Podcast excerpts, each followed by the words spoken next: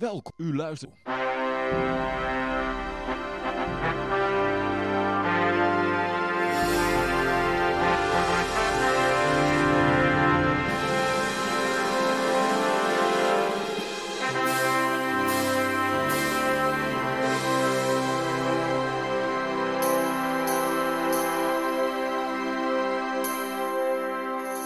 Hoppakee, ja. En eh, goed, ja, we gaan, eh, we gaan er weer lekker tegenaan. Eh, ja, laten we gewoon traditioneel, uh, traditiegetrouw beginnen met de goud, zilver, bitcoins en de staatsschuldmeter. En ja, laten we maar gelijk met zilver beginnen, want daar is hij. Ik kondig het bijna wekelijks aan, we behandelen nooit de zilverkoers. Maar ja, er is nu al wat aardig wat bewegingen, hè? Vuurwerk is er, ja. ja. Goud zit natuurlijk bijna tegen zijn all-time high aan in dollars. Dus uh, dit uh, all-time high is heel eventjes geweest intraday in 1900. Maar het is nu, uh, goud zit op 1866 nou. Dus het zit, het zit geloof ik op de, al boven de sluitingskoers van de all-time high. Dus het zit er heel dik in dat de all-time high eraan gaat. Want in alle andere valuta is het ook al eraan gegaan. Mhm. Maar het vuurwerk zit er vooral in zilver.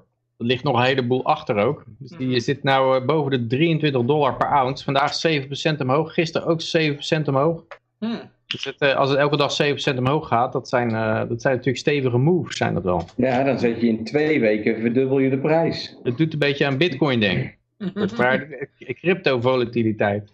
En de euro-dollar is ook apart, want die dollar, uh, euro-dollar is ook in, in een paar dagen van uh, 1,13 naar 1,1569 gegaan nou. Dus uh, de dollar wordt een stuk zwakker. En ik geloof dat dit moment van het uitbraken van, uitbreken van die uh, zilver- en goudprijs, het valt samen met de dollar ook die door een uh, zoveeljaars steunlijn heen valt of zo. Dus, de, de, ja, de, in maart was hij, was hij ook, ook zoveel, zo zwak, maar daarvoor, ja, hij is... ik ga even kijken, maar...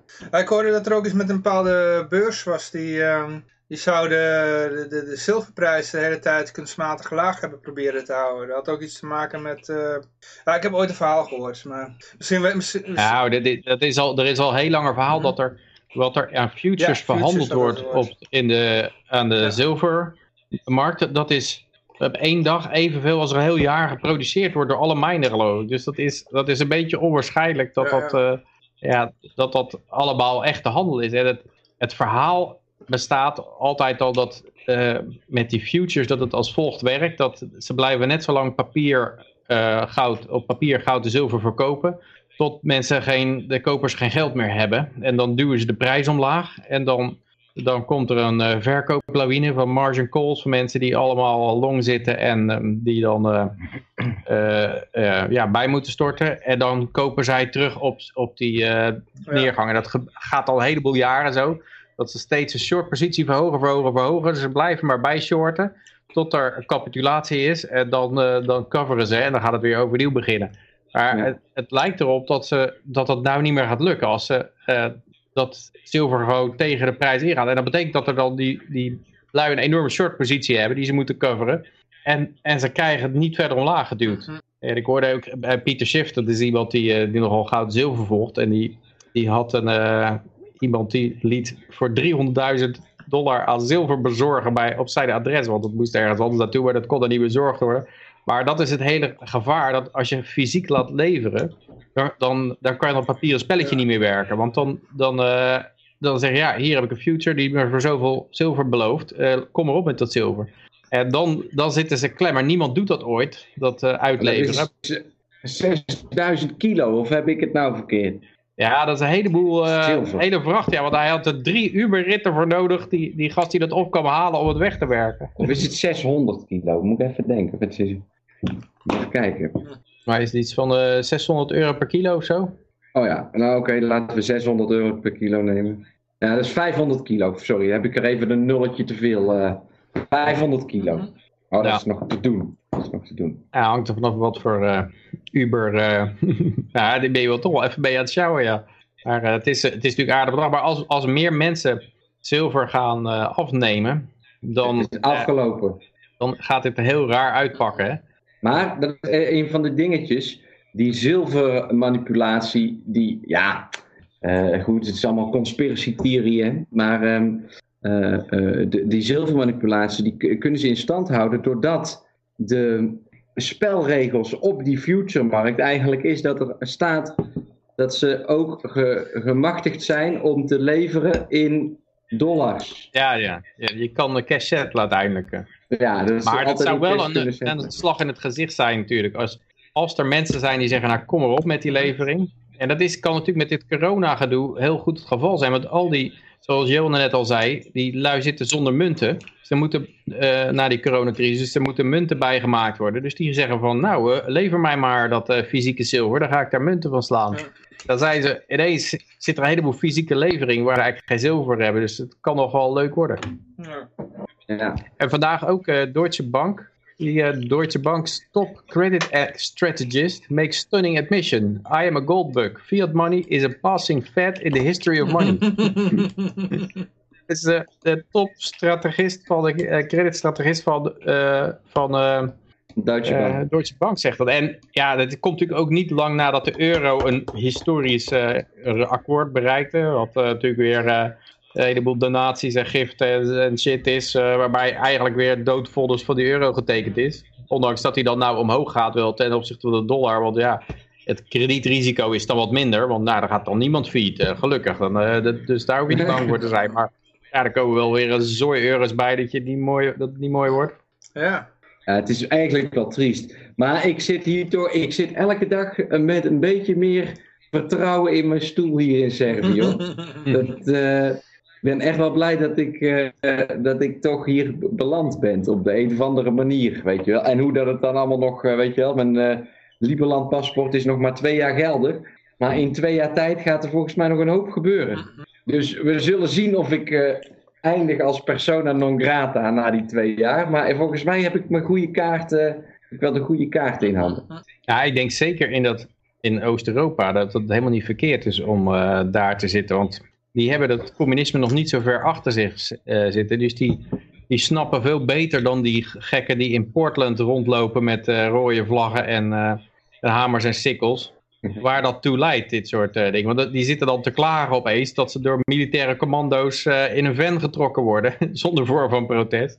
Maar ja, het is natuurlijk wel uh, Obama, die heeft mooi die NDAA erin ge gestemd, dat, dat, dat je zonder vorm van protest gewoon mensen mag uh, arresteren. Dus nou gebeurt dat. En dan zijn ze bezig van, hé, hey, maar wat krijgen we nou? Maar het is altijd met die communisten natuurlijk. Ze vragen altijd voor een grote staat die iedereen loopt te belasten. En als ze dan een grote staat hebben met een enorme paramilitaire macht, dan zeggen ze opeens van, hé, hey, wat is dat vreemd?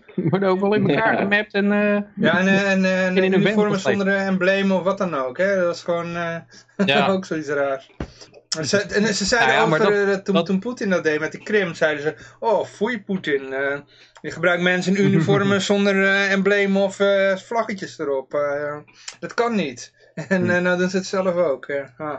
Ja, maar wat ze waarschijnlijk, ze willen, ze zijn toch waarschijnlijk bang dat als, ze, als die lui gedokst worden, dat ze dan persoonlijk aangevallen worden. Die, ze, die gaan gewoon allemaal, dat wordt gewoon allemaal geanonimiseerd. Net zoals in Mexico, die politie heeft ook altijd bivakmutsen op. Dan denk je, wie is nou de drugsdealer? Die, die Hey, dan zie je de drugsdealer, die staat er gewoon met zijn tronie in beeld. Maar die politie eromheen, die staat allemaal met een bivakmuts om. maar ja, we waren nog met de koers bezig. Uh, goud. Ja. Oh, wat is het goud allemaal? Ja, die hebben we dus ook even al gehoord. Maar... Goud uh, was ook al voorbij gekomen in oh, 1866. Uh, uh, kijk, dan hebben we nog de olie. Olie is 41,94, bijna 42. Oké, okay. Maar ja, die zakt weg en de edelmetalen gaan omhoog. En even kijken, bitcoin. Ik heb hem hier op mijn telefoon, maar ja, die kan ik dan niet laten zien. In euro's 8109. Ietsje omhoog gegaan. Nee, volgens mij redelijk gelijk. Uh, in de afgelopen, ja, een paar honderd denk ik. In de afgelopen zeven dagen hebben we een plus van 0,6 procent in zeven dagen. Ah, volgens mij is die in hij is ook in dollars omhoog gegaan, want dan is die 9300 zoveel, maar in euro's omlaag. Omdat het, nee, die euro-dollars heeft uh, nogal geschoven deze week. In, dollar is die 1,6 procent gestegen deze week. Um, ja, de mar ja. ja marijuana-index die is, uh, ja, die is op 97,62. Die is ja iets omhoog gegaan. En uh, even kijken hoor, hebben we alleen nog de staatsschuldmeter. Moet nog even laden. Ja, dat zal nog wel even duren. Zoveel staatsschuld. Hij is, uh, ja, is uh, 386,8 miljard in het rood. Vorige, vorige week was hij nog uh, 387. ja. Maar volgens mij moet hij nog bijgesteld worden. Dus, ja. Volgens mij zitten daar de coronacijfers nee, nog niet in. Nee, nee. En ik vraag me nou af, Johan. Deze week waren het voor het eerst de eurobonds. Dus uh, moeten die nou bij de Nederlandse staatsschuld worden bijgeteld? Of gaan we voortaan twee staatsschulden presenteren? Dat is een goeie, Dat is ja. nog even een gedachtespinsel. Ja. Ja. Maar goed, ik zal ook eens eventjes uh, uh, de, de, de artikeltjes van deze week erbij pakken. Ja, want uh, we hebben beginnen met Bitcoin nieuws. Uh, ja, de stablecoin uh, Tether, die is nu ook op, de, op het Bitcoin Cash netwerk. En de reden was, en dat zegt het heel expliciet erbij, vanwege de lage fees. Ja, oh even. Dit is natuurlijk weer gepubliceerd op bitcoin.com. Precies. Maar ze zitten al op EOS en op Ethereum en noem maar op. dus eindelijk, ja, ja. eindelijk. Ja. Na, nou, de Bitcoin Cash bestaat nu drie jaar, bijna. Na drie jaar zitten ze nu eindelijk ook op het Bitcoin Cash token. Ja, mag je ook neppe dollars op Bitcoin Cash handelen. Nou, ik zou er absoluut niet tevreden mee zijn, maar ze zijn er zelf ontzettend blij mee. Wanneer zou de Tether nou eindelijk eens een keer uh, onderuit gaan? Dat ze die hele boel oplichten. Misschien als, uh, ja, als de dollar onderuit gaat. ja. ja, dat is alleen maar... Ja, is dat niet makkelijker dan voor de Tether? Uh, dan veranderen ze gewoon hun naam. Want ze hebben hun assets hebben ze in crypto, toch? Dat was het verhaal. Ze hadden de assets opgegeven en hadden ze niet allemaal dollar assets, maar crypto assets. Dus als de dollar onderuit nee, gaat... Nee, nee. Wat er is gebeurd, zij hebben een deel van hun assets hebben ze uitgeleend. Als een lening verstrekt. Maar wat voor assets? Dollars toch? Ja, de dollars die Dollar. zij binnenharkten. Okay. Ze zouden eigenlijk 100% dekking moeten geven met dollars. Maar dat is niet zo, want zij hebben een deel van die dollars uitgeleend. Hm. Ja, ik dacht dat ze, dat ze een, uh, een probleem hebben dat ze eigenlijk niet genoeg dollars hadden. En dat ze toen bij hun soort audit maar hebben laten zien van nou, hier hebben we, we hebben wel zoveel crypto nog staan. Uh, nee, want dat, dat, dat, dat, dat is natuurlijk geen, heb geen ik niet meegekregen. Zou kunnen, maar die heb ik niet meegekregen. En officieel zouden zij volgens mij ook helemaal geen bitcoin in bezit moeten hebben. Want ze hebben alleen maar teters en dus uh, dollars. Hm. En helemaal geen bitcoin, niks. Ja. Ja, Bitfinex misschien wel, toch? Maar het is in ieder geval... Uh, um, ja, officieel ja. eigenlijk... Ja, misschien als ze er dus... Bitfinex die verdient ze omdat ze een fee heffen over elke transactie die er gedaan wordt. Dus mm. als er een miljoen wordt verhandeld, dan hebben zij, uh, als ze een miljoen bitcoin omzetten, dan hebben ze, weet ik het, 2000 bitcoins verdiend Ja. of zo.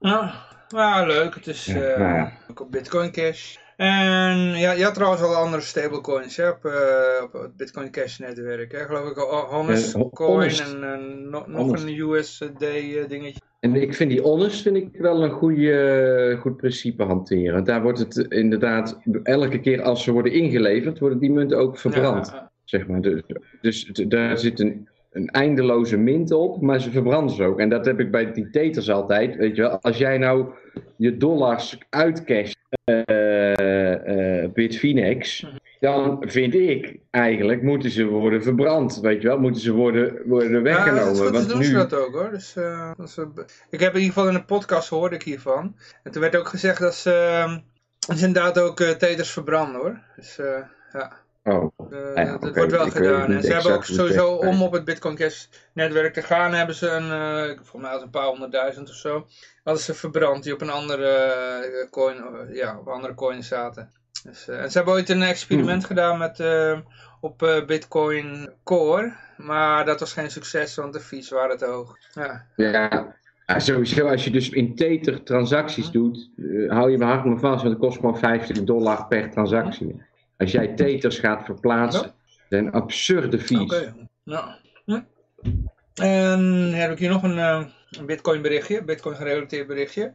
Eh, Bitcoin entrepreneur, of zeg maar gewoon eh, EOS entrepreneur, want daar is het bekendste om. Eh, Brock Pierce wil ook meedoen, gaan doen met eh, eh, presidentsverkiezingen. En hij is daarbij eh, eigenlijk al de, ja, volgens mij al de derde Bitcoin gek. Eh, want eh, Joe Jurgensen die zegt dat natuurlijk ook voor Bitcoin te zijn. En we hebben nog eentje niet genoemd. Maar ja, dat is een beetje de name that we shall not mention. Kanye West. die man die wil zoveel aandacht hebben dat we hem gewoon geen aandacht geven. Kanye Kon. ja, daar was hij boos over. Hè? De Kanye. Kanye, ja, daar was hij boos over, ja. Dat is ook een Nederlander, die heb ik nog een hand gegeven, die Robbie Honterlees. De enige die er uiteindelijk voor is aangeklaagd. Okay, okay. Ja. Maar ja, dat was ook een kansloze aanklacht, maar goed. Ja, dat had zijn naam verkeerd gespeld of zo. Um, maar goed, ja, uh, hij gaat meedoen met de presidentsverkiezingen. Ik had een heel glad spotje.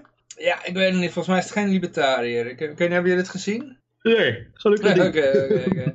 Ja, de enige melding is dat die, die is, uh, ja, het is een crypto-entrepreneur die gewoon heel veel geld gemaakt heeft. Uh, hij is ooit begonnen als kindsterretje in een Disney-film en uh, ja, daarna, sindsdien heeft hij overal in geïnvesteerd en uiteindelijk in de crypto gerold en nu wil hij naar het Witte Huis. Ik denk dat hij het niet gaat halen, ja.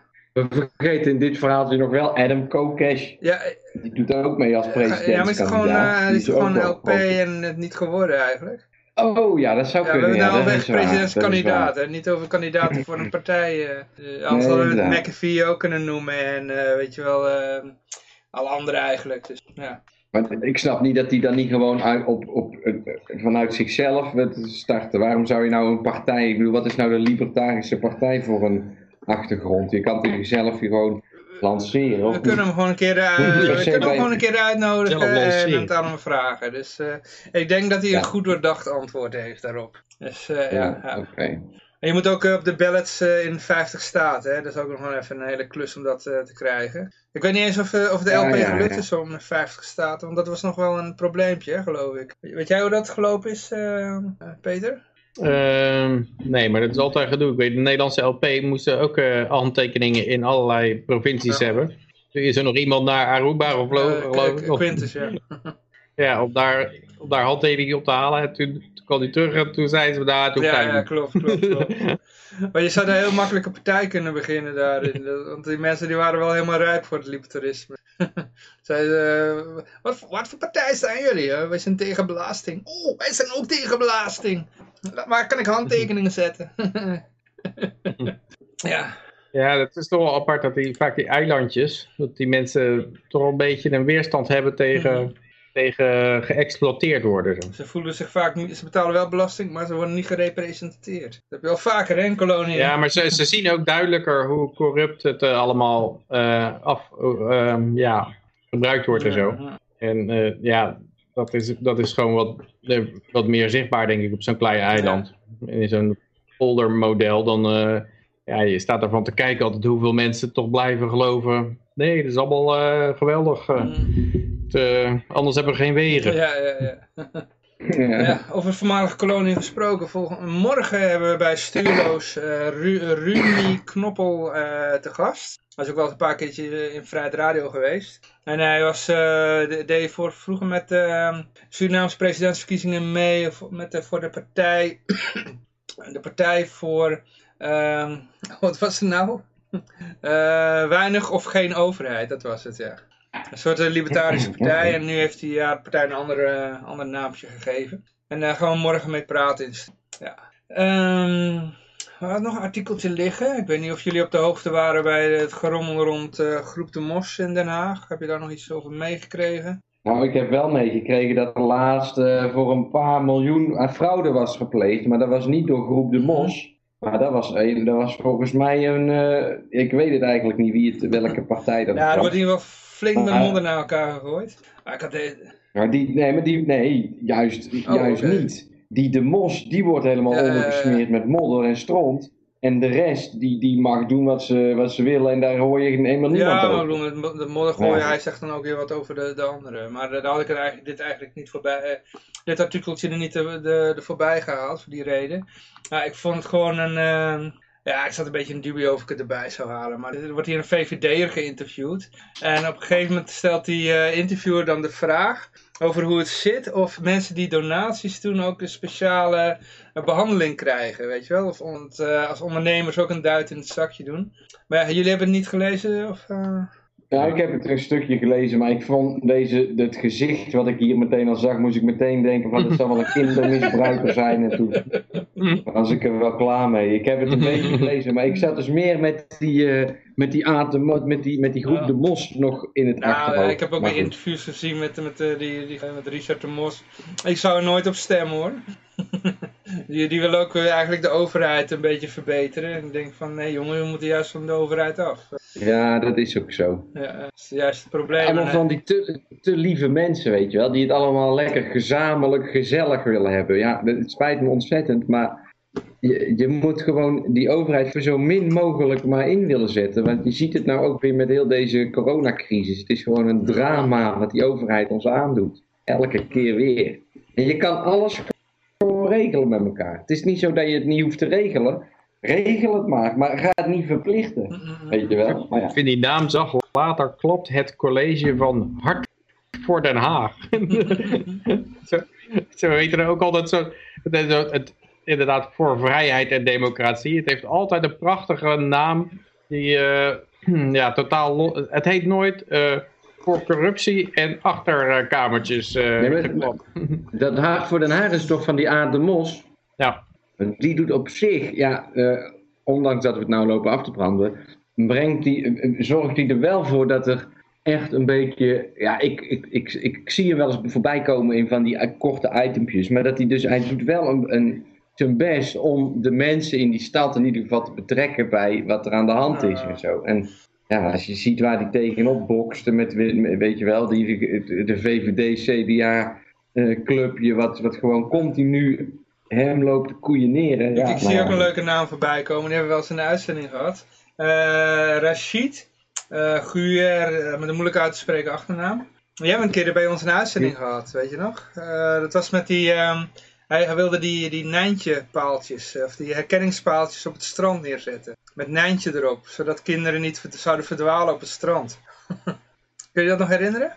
Was ik daarbij? was jij toen, dat, dat toen voor mijn tijd? Voordat jij erbij was. Echt een paar jaar geleden. Hebben we hem in de uitzending. Hij kwam, dat, uh, hij kwam toen verdedigen, verdedigen waarom er zoveel belastinggeld. Uh, er moest weer een paar miljoen vooruit getrokken worden voor een paar paaltjes, zeg maar, met de afbeelding van Nijntje erop. En, is dat, is dat in, de, in de vroege ochtend van dinsdag 1 oktober 2019 valt de Rijksrecherche binnen in de woning- en werkkamers van de inmiddels ex-wijkhouders Richard de Mos en, en Rashid. Vanwege een corruptieonderzoek. Dus, dus dat uh, beweer je eigenlijk van het, het waren nog de meest integere figuren en die krijgen dan een corruptieonderzoek aan hun ja. beroep. En dat dus terwijl dat er deze week of vorige week is er van, volgens mij was het de VVD uh, iemand die uh, meer dan een miljoen euro achterover heeft gedrukt. En daar hoor je dus helemaal niks over. Er wordt helemaal geen inval. Rijksrecherche op afgestuurd. Ja. En omdat zij, want uiteindelijk is dat corruptieonderzoek voltrokken en is er gebleken dat er helemaal geen sprake was van corruptie. Maar alleen omdat ze dus die inval zo deden, hebben al die, al die dingen, de VVD, D66, GroenLinks gezegd, nee ja, nu kunnen we niet meer samenwerken. Nee, ja, bullshit. Er was helemaal niks. Hetzelfde als dat, je, als dat er een dictator over jou vertelt dat je, dat je persona non grata bent. En dat, weet je wel, is gewoon trial by media. Het is gewoon te verschrikkelijk voor woorden. Maar ja, dat is maar kennelijk de politiek in Nederland. Hoe ze, het is ook gebleken hoe dat werkt in, uh, in Amerika. Dat de, de geheime diensten lekken wat naar de pers. Dan schrijft de pers daar, daar, daarover, die publiceren wat. En dan gebruikt de overheid, die gebruikt dat wat ja, in de pers wordt over geschreven, dus we gingen maar arresteren. Ja, dus zo kunnen, ze, zo kunnen ze zelf de, de, ja, een soort perpetuum mobile, dus dat uh, in gang zetten. Ongelooflijk. Wat, wat zijn we toch eigenlijk allemaal verschrikkelijk gevangen in een verschrikkelijk systeem op dit moment. Maar ja. ja in ieder geval de, de reden dat ik hem geplaatst heb is vanwege eigenlijk dat filmpje dat met het interview met die, met die uh, uh, fractievoorzitter van de VVD. Maar dat is eigenlijk wel, ja, dan zit hij op zijn stoel te draaien terwijl er wat vragen worden gesteld. Het is bijna hilarisch. Dan probeert hij om helemaal omheen te kronkelen van, nou, we zijn helemaal niet, helemaal niet corrupt. Maar met de uh, verdediging die hij dan brengt, uh, geeft hij veel te veel prijs. Waarvan je denkt van, nou, oké, okay, dus zo gaat dat. Ga maar gewoon een keertje kijken. ja, je hebt wel netwerkjes hoor, van ondernemers die toevallig ook aan de VVD uh, doneren. Ja, daar zitten we dan toevallig bij, maar gewoon toevallig omdat we er zijn. Zoiets, weet je wel. Dus uh, ja.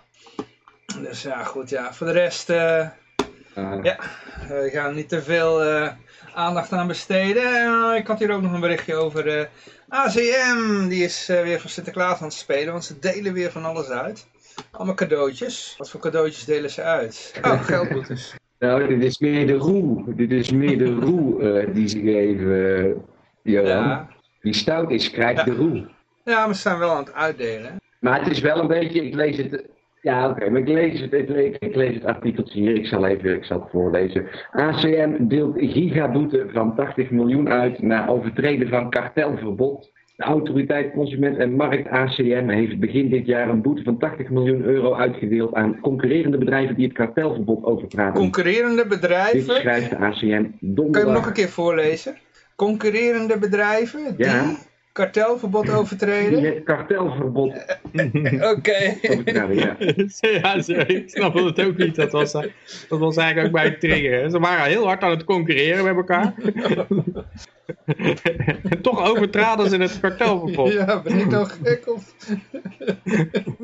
wat ik wel jammer vind is dat er nog niet bekend is om welk bedrijf het gaat. En het is ook niet echt uit het artikel om te, te, te, te destilleren wat voor uh, specifieke dienst of, of, of product het nou zou, zou zijn gegaan. Dus, maar het belangrijkste staat erin, dus 80 miljoen euro binnengehaald. Ja, uh, wacht even. de procedures lopen nog, dus het geld is nog niet binnengemaakt, is nog niet buitgemaakt. Ze kunnen nog in beroep gaan tegen dit besluit en zeggen van ja, maar we waren wel degelijk aan het concurreren met elkaar. Zoals blijkt uit de aanklacht. ja, niet de aanklacht, ja, maar... Ik vind 80 miljoen euro, het klinkt als een hoop, maar als je bijvoorbeeld... Uh, ik zeg, het ligt eraan welke sector dat het over gaat. 80 miljoen is ook weer niet, weet je wel, het grootste eh, bedrag. ik heb het niet liggen, uh, laat ik het zo 800 miljard uh, BBP. Ja, oké, als je 800 miljard BBP in Nederland afzet aan de economie, economische jaar. Dat is dan 80 miljoen, maar ja, goed, oké. Ja, ik weet bijvoorbeeld, dat, ik verbaasde me wel over, ooit werd er aan een liftenfabrikant een kartelboete uitgedeeld. Want uh, ja, die had dan een te dominante positie. Maar ja, dan denk ik ook, ja, zo'n liftenbedrijf, hoeveel, wat voor verdragen gaan er nou om? Dan leg je ergens een lift aan, wat, wat heb je daar voor marge op? Wat, eh, en wat voor omzet maak je? Dat zal toch ook niet om, om zo enorme bedragen gaan, lijkt me maar.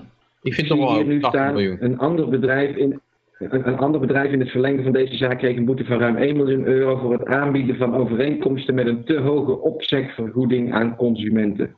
Dus dan heb je toch iets van een telefoonabonnement of zo, of een, uh, zoiets denk ik. Maar als je tegenwoordig een procentje winst maakt, dan, ja, dan is het al veel. Want alle, alle rentes zijn eigenlijk op uh, naar nul gedrukt. Dus de, de winsten die van beursgenoteerde bedrijven zijn eigenlijk allemaal vrij laag. Dus 1% dat is al, dat is al mooi. Maar dat betekent dat als je een boete krijgt van 1 miljoen euro, als dat je hele winst is, dan moet je daar zeg maar 100 miljoen omzet voor draaien. Om 1 miljoen winst dan over te houden. En die ben je dan weer kwijt aan, aan, aan een boete. Ja, dat is toch wel aardig. Want met 80 miljoen begin je een beetje tegen een miljard om, omzet aan te draaien. Dat moet toch wel aardig wat zijn. Het gaat om inderdaad waarschijnlijk inderdaad dan over telefoonmaatschappijen. Maar de, ik zit even de reacties te lezen. Maar dat is ook wel diep, diep triest hoor. Allemaal zo van... Uh, ja, nu.nl ja, reacties. Ah, die bedrijven hebben toch allemaal geld zat. Het doet hun, doet hun toch geen, geen, pijn. Wij consumenten worden weer genaaid. Wij krijgen daar geen geld van terug te zien. Nee, hun worden beboet en uh, die, die boete wordt doorberekend natuurlijk weer in de prijs. Dus de telefoonabonnementen gaan omhoog volgend jaar. ja. Ja, dat staat ook ja, Dit soort boetes zijn wat mij betreft zinloos. Voor de bedrijven die het betreft is het een administratieve kostenpost. Een te calculeren risico. Het is altijd makkelijk uit andermans leer uh, uh, te snijden. het zou veel beter zijn de gevangenisstraf uit te delen. Ja, ja, ja. Nee, nee, het is geweldig. Uh, Geen castratie, alle CEO's van al, alle bedrijven in de, in de gevangenis. Want het, het hele verhaal met met kartels is eigenlijk libertarische kijk daarop is dat het eigenlijk onzin is. Want je hebt niet een bepaalde markt. Hè. Je kan zeggen, ja, Coca-Cola heeft een kartel, een monopolie op, op het gebied van Coca-Cola. Want zij zijn de enige die het recept hebben. Dus er is geen enkele concurrentie mogelijk van Coca-Cola. Maar dan kan je zeggen, ja, maar Pepsi is ook een cola. Dus een, maar dan zeggen ja, maar die hebben dan eigenlijk een kartel. Die hebben bijna de hele cola-markt in handen. Dus, maar die, die cola-markt is willekeurig gedefinieerd. Want je zou ook kunnen zeggen, alle frisdranken. En dan wordt hun marktaandeel al kleiner. En dan kan je zeggen, alle dranken, inclusief fruitsappen en uh, watertjes en zo. En weet ik veel uh, wat voor andere En, en melk. Ja, dan wordt het nog kleiner aandeel. Dus het, er is niet een natuurlijke afbakening van een markt. Dat, is, dat zit alleen maar in je hoofd, dat idee van ja, dit, uh, net zoals als auto's, denk je van ja, auto's, dat is één markt. Ja, maar op sommige gebieden concurreren ze ook met vrachtwagens of vans of fietsen of ja, vliegtuigen misschien zelfs, treinen, boten. Dus um, er is niet echt een duidelijke afbakening van de markt. Dus je kan altijd, als je overheid bent, een onderzoek starten en de markt zo definiëren dat een bepaalde club een kartel vormt daar. En uh, ja, met de vliegtuigmarkt bijvoorbeeld, ja, je hebt maar twee, twee bedrijven die vliegtuigen maken ongeveer, uh, Boeing en Airbus. Zo zeg je gewoon, ja, de vliegtuigmarkt, dat is een, een duopolie. Maar ja, dat is maar net hoe je, hoe je de markt definieert. Ja. En, da en daar valt ook mooi, mooi mee af te persen, want dan kan je zeggen, we leggen een enorme boete op. En dan, dan als, als er dan per ongeluk een paar autosleutels in de betreffende ambtenaar zijn briefbus vallen, dan kan hij zeggen, van, ja, nu kun je nog eens naar kijken uh, kan je de markt ook wat breder definiëren. En dan, dan hebben ze geen kartel. Nou, dan, dan, ben je, dan ben je er weer uit. Zeg maar. Dan ga je weer naar de volgende toko toe. Wat dat betreft is het gewoon een, een, uh, een afpersingsverhaal. Net zoals we gaan naar een bedrijf toe en noemen ze racisten. En we gaan staan demonstreren buiten. En als we geld in onze zakken hebben, dan gaan we weer naar een ander bedrijf toe. Ja. Een racket heet dat ja. geloof ik. Maar ja, er wordt nog meer uitgedeeld. Oh, de overheid is echt van Sinterklaas aan het spelen. deze keer valt Harry in de prijzen. Tenminste, mits ze... Krijgt u wat, wat, Ja, oh, maar dan moet wel... Hangt er vanaf. Als je zijn huis 2,5 meter opschuift, dan krijgt hij niks. Nee. Als hij laat staan waar het staat, dan krijgt ja, hij wel. Het is, uh, het is ook geen klein huisje. Het is ook geen uh, tiny, uh, tiny house. Nee. nee. Maar goed, gaat hij nou wel of niet uh, Jeromoko opbellen? Ja, het lijkt me heel moeilijk om... maar deze, inderdaad, het is in, in gemeente Apeldoorn. En als uh, Harry Huisman, hij heet ook Huisman, typisch Huisman is Als hij niet naar de gemeente Apeldoorn luistert, moet hij twee ton aan dwangsobben betalen aan diezelfde gemeente. Dus die gemeente die bepaalt van ja, ja hij moet 2 meter op, 2,5 meter opgeschoven worden, wat natuurlijk ondoenlijk is. En anders moet je ons 2, 2 ton betalen. En uh, ja, het is een goede business als je die kan vinden. Je gaat gewoon naar mensen die huis aan het bouwen zijn. En dan zeg je, hé, hey, uh, opschuiven die handel. Of uh, je moet mij een hele hoop geld betalen. In zo'n geval moet je gewoon vrienden met de Amish zijn. Hè? Ik, bedoel, ik, weet niet of je die filmpjes kent. Maar ze hebben met z'n allen een schuur op de plaatsen. maar uh, ja, wat als dan... Nederland toch wel behoorlijk fundament staat. Ik denk niet dat je dat zo makkelijk... Uh, ja, ja deze zal wel niet geheid zijn. Hè? Apeldoorn heeft natuurlijk geen drassige grond. Hm. Ja, ik weet niet hoe dat werkt. Als je veen hebt, dan, als er zand is, dan hoef je gewoon niet... Uh... Ja, het is Velo, hè? Ja, het is, is gewoon uh, ja, belachelijk geworden dat bij, bij die huizenbouw het bijna onmogelijk geworden om, uh, om huizen te bouwen. Want uh, je moet tegenwoordig ook aan zijn energieprestatiecoëfficiënt moet je voldoen. En ik weet toevallig, wij zijn zwager zijn huis aan het bouwen. En er kon er al geen badkamer in, of een, bad in. Want als je er een bad in deed, dan, dan ging je EPC omhoog. Oké. En dan moest je weer zoveel zonnepanelen erbij hebben om hem omlaag te krijgen onder de waarde. Okay. En die waarde, die, die gaat elke twee jaar of zo, gaan, doen ze die waarde iets omlaag. Uh, met, met, tot nu toe met 0,2 en het, het zit toch geloof ik al op 0,8. Die waardes weet ik niet helemaal, maar uh, zoiets is het. Dus dat gaat best wel een hoop vanaf. Dus dat betekent dat volgend, de volgende verlaging, het is een soort bitcoin halving.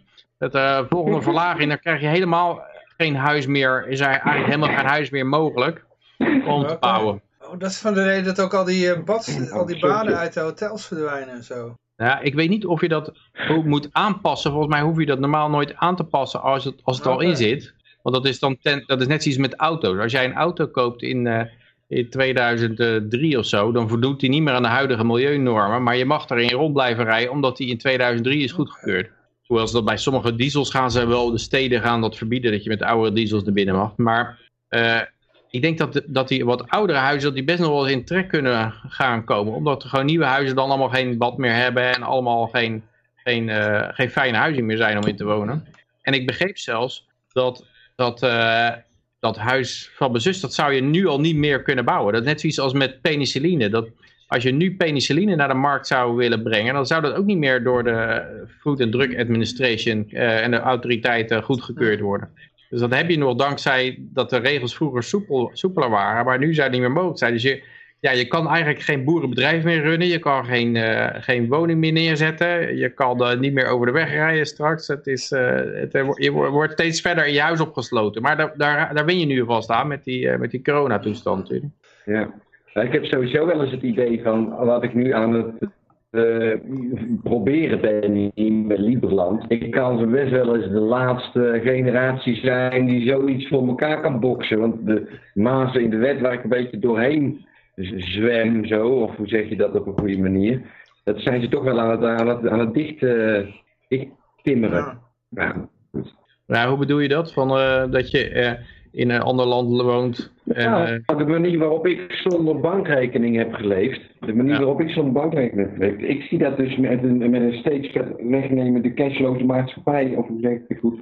Ja, wordt dat steeds lastiger om zulke soort uh, acties voor elkaar te krijgen. En, en bijvoorbeeld ga eens een uh, Liberland stichten of zo. En uh, alles wat er nu met bitcoin, de, de, de manier waarop ik een uitvlucht heb gevonden met bitcoin. Want ik bedoel, op het moment dat ik daar in die, uh, op dat weiland uh, in Wonderland uh, met jullie in contact ben gekomen. Hoe, hoe, ga, je, hoe ga je jezelf dus een kans geven om iets te bereiken buiten de controle van die overheid om? En ja, ik zie dat toch steeds minder kansen, zeg maar, in in de toekomst.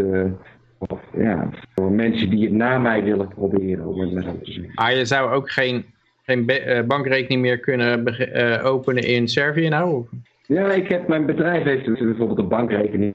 Ik kan gewoon een bankrekening openen, daar gaat het niet om. Ik wil nu geen bankrekening meer openen, dat is de sport, hmm. zeg maar. Alleen, uh, het is meer zo, de, de manier waarop ik dat heb volgehouden, door bijvoorbeeld met mijn bitcoins een beetje onder de marktprijs te verkopen voor cash, weet je wel. Zodat ik geen, geen, geen traces achterlaat. Eén bitcoin kost nu, wat zeiden we net, 8000 euro. Nou oké, okay, bij mij kun je voor 7000 kopen. Op die manier kan ik, Verkocht. zonder dat het op mijn naam komt te staan, ja, zonder op mijn, op mijn naam komt te staan, uh, cash binnenhalen. Maar dat zal in de toekomst toch steeds moeilijker gaan worden, denk ik. Bijvoorbeeld door ja, die, die, die controle die ze nu ook in deze corona ja, ja, ja, ja. Sowieso de KYC, maar die probeer je te omzeilen. Maar ook gewoon omdat ze, ze ja, het is gewoon een, uh, de hele bevolking wordt eigenlijk gemobiliseerd om tot een soort uh, verlengstuk van de overheid te gaan werken, weet je wel. Al die bedrijven die vandaag de dag verplicht worden om mensen te verplichten met een mond, met een, met een muilkorf in hun bedrijf en anders mogen ze niet meer winkelen, weet je wel. Nou, en en, en, en de kliklijn van uh, mijn buurman heeft een feestje met zes man en hij organiseert een barbecue. Ja. Door dat soort ontwikkelingen, als mensen dat ja, normaal gaan vinden, dan, dan is het op een gegeven moment over een Yoshi Livo onmogelijk om zijn ding te doen. Nou, daar had ik het laatst ook al over met, kijk wat natuurlijk in de Tweede Wereldoorlog gebeurde, is dat toen die Joden uh, opgejaagd werden, dat er bijvoorbeeld kaartenhuizen in de fik gestoten werden met, uh, met administratie. Uh, ja, en, ja. Uh, maar, en, en, en namaak identiteitsbewijzen werden daar gemaakt en zo, valse identiteitsbewijzen. Uh, en dat, daarmee konden die mensen nog enigszins overleven. Dan hadden ze in ieder geval nog een kans. Maar vandaag de dag zou dat niet eens meer lukken. Je kan geen datacenter in de fik steken en, en van die data af zijn. Want er zitten allemaal backups overal. En het is natuurlijk allemaal verspreid geografisch. Dus dat kunnen ze zo allemaal weer terughalen. En met, dit, ja, met de hele cashloze maatschappij inderdaad kunnen ze gewoon je bankrekening afzetten en dan is het gewoon exit. Dan kan je gewoon uh, dood liggen gaan van de honger. Of jezelf aangeven. Uh, ja. Identiteitsbewijzen namaken, dat zou ook niet meer lukken, denk ik. Uh, omdat, als het allemaal digitaal is. Ja. Nee, zeker als het inderdaad gewoon een appje, een appje wordt. Nou, dan kun je het gewoon vergeten. Dat, ja, of je moet dat appje op een of andere manier kunnen gaan hacken. Maar wordt toch een vrij lastige, vrij moeilijkere ex exercitie als dat je een, een kopietje of een, een nep, uh, nep identiteitskaart uh, afdrukt. Dus ja, ja, We gaan het straks nog even hebben over uh, Rembo van het Zwarte Woud.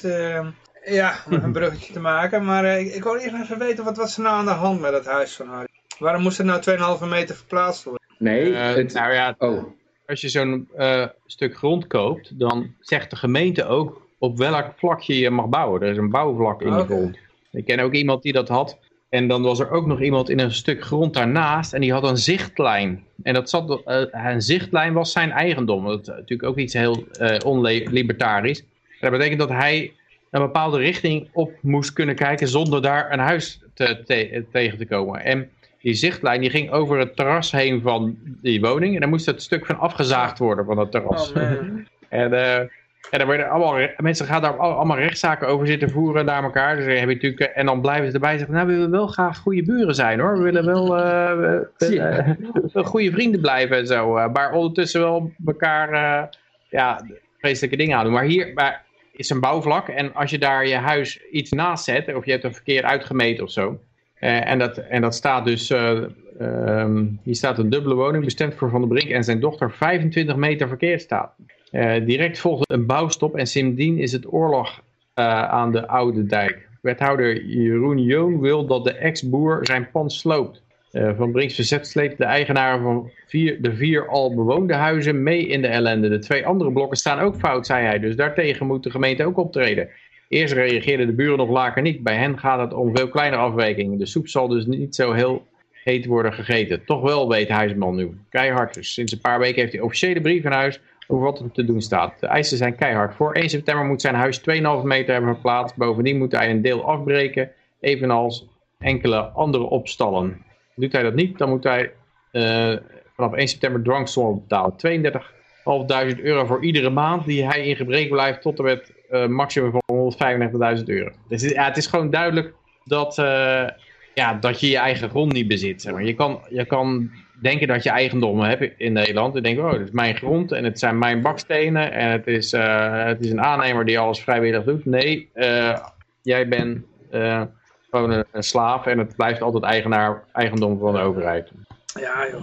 Want die, die, die, Ja. die, wethouder niet, niet, niet genoeg eh, kratjes wijn op zijn soep gekregen of zo. Het is zo moeilijk doet. Ja, dit is, dit is, altijd, dit is best wel link, dit soort Ja. zaken. Ook als jij, ik, ik weet dat vroeger ook wel, had ik zo'n oom en, en die, eh, ja, dat was een hele handige figuur. En die vond dat, dat, ze villa ergens in Brabant en die ging er dan een, een biljartkamer aanbouwen. Ja. En daaronder zat dan een wijnkelder. Want zijn droom was dan dat hij dan aan het biljarten was en dan slingerde hij zo de, het eh, het ding omhoog en dan haalde hij een flesje wijn uit de wijnkelder. Maar daar had hij nooit een vergunning voor aangevraagd. En dan is er geloof ik een soort regel dat als ze dat al de hele tijd niet ontdekken, dan, dan, eh, dan op een gegeven moment dan mag heel veel van die Brabanders die Maar- hebben gewoon eigenlijk een cafeetje in, de, in, de, in, de, in de tuin, weet je wel. Het, eh, ja. Ja. Maar het, het, het is dingen. Zeker met satellieten kunnen ze natuurlijk eh, een heleboel ontdekken. Dat hebben Griekenland ook gedaan. Dan gingen ze gewoon met satellieten kijken of, of je een zwembad had. Want eh er was een zwembadbelasting. Dus, eh, ja. Oh, ja. ja, helaas, helaas. Maar er was ook een vrouwtje die had, zijn, die had haar huisje groen geschilderd, appeltjesgroen. Ja, dat mag natuurlijk ook niet, hè? Heb het voorbij zien komen. Ja, het was ook wel een lelijke groen hoor. Er zat twee verschillende huizen. Ja, ik vind het wel wat hebben. Maar ik bedoel, in, ehm, waar mijn moeder woont, in, in Ierland, die woont in Kinvara, nou moet je daar eens langskomen. Eh en ze kijken ze helemaal niet gek van op als je daar langskomt. Want eh, er komen daar gewoon eh, dagelijks, ja nu met de coronacrisis niet, maar eh, toen, toen nog eh, gewoon eh, niks aan de hand was. kwamen daar gewoon dagelijks gewoon bussen met toeristen even kijken naar al die beschilderde huisjes. Je had echt, eh, je moet maar eens opzoeken, Kinvara Island. Dan, eh, dan zie je echt eh, ja, één grote bonte kleurententoonstelling daar. Van beschilderde huisjes. Ja. Ja, maar Ja, het is als, je, als je zo'n plaatsje hebt aan het water, en ik heb wel meer van die plaatsjes gezien, die, waar alle huizen een andere kleur Ja. hebben, het ziet er hartstikke vrolijk Ja, ja. uit. Het, zie- ik vind Ja, het hartstikke leuk. niet- is toch niet nieuw dat in Nederland dat soort dingen gewoon niet kunnen. Ik weet nog in Breda hadden we op een gegeven moment ook. En er was iemand die had een, eh, nieuw bedrijf geopend. En die had zijn, eh, zijn, zijn gevel van zijn pand turquoise geverfd. Ja, dat duurde, dat duurde geen week. En toen moest hij het, eh, moest hij kreeg hij het bericht dat hij het moest oververven. Maar wel heel, heel Breda wist van, oh, dat turquoise pand heeft nou een nieuw bedrijf wat dit en dit doet. Ah. Ja, dat was gewoon een marketing stunt. Ja, Nee. slim. Maar ik vind wat deze vrouw doet ook wel grappig, want dat is, is, is een, is een bejaarde vrouw. Eh, ik weet niet hoe, ik 83 sta niet precies hoe oud dat ze 83. is. Het drie- 83. Nou, die heeft dus gewoon, die heeft gewoon zin om de huis groen te verven. Die denkt, fuck de overheid, ik doe het gewoon. ik ben toch 83 en die gaat gewoon procederen en procederen en procederen. Inmiddels zijn we nou gewoon al drie, vier jaar verder en dat huis is gewoon groen, weet je wel. Dus ik vind dat op zich wel leuk. Dat is al, volgens mij in uh, eh, 2017 heeft ze het groen geschilderd en we zijn nu al in 2020. Dus ja. In, uh, in Amerika noemen ze going out with the blaze of glory. Als je dan toch oud bent, dan... Uh, ja. ja, dan zou, ik zou nog een keer uh, de, dat is een de, de rechter vragen. Ik zou de rechter nog een keer vragen en dan weet je wel, gewoon lekker, lekker lang laten duren allemaal. Ja, want ik heb gezien dat u in, op, op uw Facebook post heeft geschreven dat rood uw lievelingskleur is, dus u kan... Genomen. U werd vooringenomen tegen mijn groene huis. Ja, nou ja, ik vind het op zich wel grappig dat ze dus nu nog steeds een groen huis heeft. Dus, ja. En dat er, dat er gewoon nog iemand is die enigszins terugvecht tegen de overheid. En ik verbaas me wel als je dat tegen andere mensen zegt. Van, uh, dus nee, daar zijn ze helemaal mee eens hoor. Want uh, daar, moet je, daar moet je echt niet hebben. Want dan gaat de, de prijs van de woningen daaromheen gaat omlaag. Uh, ja, omdat het, omdat het een groen, één vrolijk gekleurd huisje tussen staat. Gaan al die prijzen omlaag. Oh nee, die, die wijk willen we niet wonen hoor. Want daar zit, daar zit een, vrouw van 83 in. Dat, uh, dat moet je niet hebben. Met een eigen smaak. Ja, ik, ik vind wel dat bijvoorbeeld mijn ouders wonen in België. En als je ziet hoe ze daar huizen bouwen. Ja dat heeft dan ook weer niet mijn voorkeur. Want daar zat alles gewoon door elkaar heen en maakt allemaal niet uit, doe maar wat je wil. Dat vind ik leuk. Ik vind het wel leuk. Dat vind ik juist leuk. Ja, ik weet nog wel dat... ja, ieder zijn ding natuurlijk. Ik weet nog wel dat ik in, uh, in Delft woonde. En daar had je van die flats. En die zijn dan... Uh, uh, ja, dat was de, de Heidenlaan. -hmm. En ik kwam een keer thuis van een of ander feestje en ik loop zo naar de flat toe, op uh, derde verdieping omhoog. En uh, naar de zijkant, ik kom bij me de deur uit en ik hey, er staat een ander plantje voor de, voor, de vensterbank. Uh, ik zit geloof ik de verkeerde verdieping. Ik loop terug naar de galerij. Ik denk, nee, ik zit wel op de goede verdieping. Ik denk, oh shit, ik zit helemaal in de verkeerde flat. die, waren, die stonden zo gestaggerd. Dat je gewoon, als je, je moest drie, drie keer zigzaggen en dan moest je die flat nemen. Als je dan twee keer gezichtsagd had, dan had je in de verkeerde flat. Maar die leken zo op elkaar dat je dat pas door had bij het plantje in de vensterbank. En het, ja, ik vond het ergens toch wel triest, want ik heb daarna in Den Haag gewoond en dat was zo'n straat dat, uit 1900 en dan hadden ze een architectenwedstrijd uitgeschreven en hadden ze de 100 mooiste ontwerpen genomen en daar hadden ze die straat van gebouwd. En al die huizen waren uniek en dat geeft een veel warmer en persoonlijker sfeer, omdat al die huizen uniek zijn en niet zo gestandardiseerd. Uh, omdat mensen ook niet allemaal hetzelfde zijn. En dat is het... Uh, ja, dat is, uh, uh, ik, ik vind, dat, vind dat ook wel lekker. Als je, als je hoort hoe die overheid erover heeft, hier dat eerste paragraafje alleen al. De raad benadrukt dat het er niet om gaat of de groene kleur van het huis mooi of vrolijk is. Maar om de vraag of de kleur zodanig afwijkt van de welstandseisen dat sprake is van een welstandsexces. dus deze kleur is een welstandsexces. De vrouw mag nu een nieuwe kleur ter goedkeuring voorleggen aan de gemeente. Hierin houdt, behoudt zij enige mate van keuzevrijheid, al dus de Raad van State. Dus ja. doe maar. Mag... Die vrijheid loopt in Nederland door, uh, loopt echt heel de spuigaten uit. Je hebt enige mate van keuzevrijheid over de kleur waarin je eigen huis schildert. Ja, dat is natuurlijk inderdaad ook wel weer en, erg extreem de andere kant op. Hè. Dat je dus je eigen huis niet... Uh, nou ja, goed. Ach ja. Het is Nederland. Ik ben blij dat ik er weg ben, jongens. Nog steeds uh, blij dat ik er weg ben. Hier is het zo, als je gewoon uh, een huis overschildert, dan is het van jou. zo staan er nog genoeg huizen leeg. Maar goed, ach ja. ja het is ook, ik heb wel eens gehoord dat er van die, in, in Londen, ook van die mensen die vroegen dan of ze iets aan een, aan een huis mochten verbouwen en dat was niet toegestaan. En dan gingen ze de regels helemaal helemaal napluizen wat er dan wel mocht. En dan hadden ze gezien dat je wel een vliegtuig in je huis kon inmetselen. Dan steekt er ergens een gebouw, steekt, dus, steekt een vliegtuig uit. Want daar was dan geen wet tegen of zo. Er was dan iemand die dat... Uh, die had dat uh, uh, uitgebuit, dit, deze maas. dus dat is echt de ultieme middelvinger opsteken. Ja. ja, ik denk ik denk dat het met die coronaregels op een gegeven moment ook zo gaat. Dat je, eh, dat je allerlei dingen gaat, gaat zien. Dat mensen dus om hun uiting te geven aan hun vrijheid. Van oh, we mogen niet meer zonder mondkapje in de supermarkt. Dus nou ga ik maar nou ja, vul het maar in, weet je wel, wat er op dat moment dus nog mag. En dan, ja, uh, enige, ja, enige creativiteit in mondkapjes. Een ander kleur mondkapje waar je enigszins de kleur van zelf mag kiezen. Dat is dan je keuzevrijheid. Een beetje net als de hijab in, in, bij moslimvrouwen. Die mogen dan, uh, ja, dan een kleine, kleine ja, vrijheid kunnen ze dan hun individualisme uiting geven in de vorm van hun hijab. Maar je mag dan met mondkapjes toch gewoon de meest gekke dingen doen. Ik, bedoel, ik ga nu een mondkapje van kippen Ja, dat, dat, mocht toch wel. En bijvoorbeeld uh, gebreide ja, ja, mondkapjes. Nu nog uh, wel, hè. Maar ja.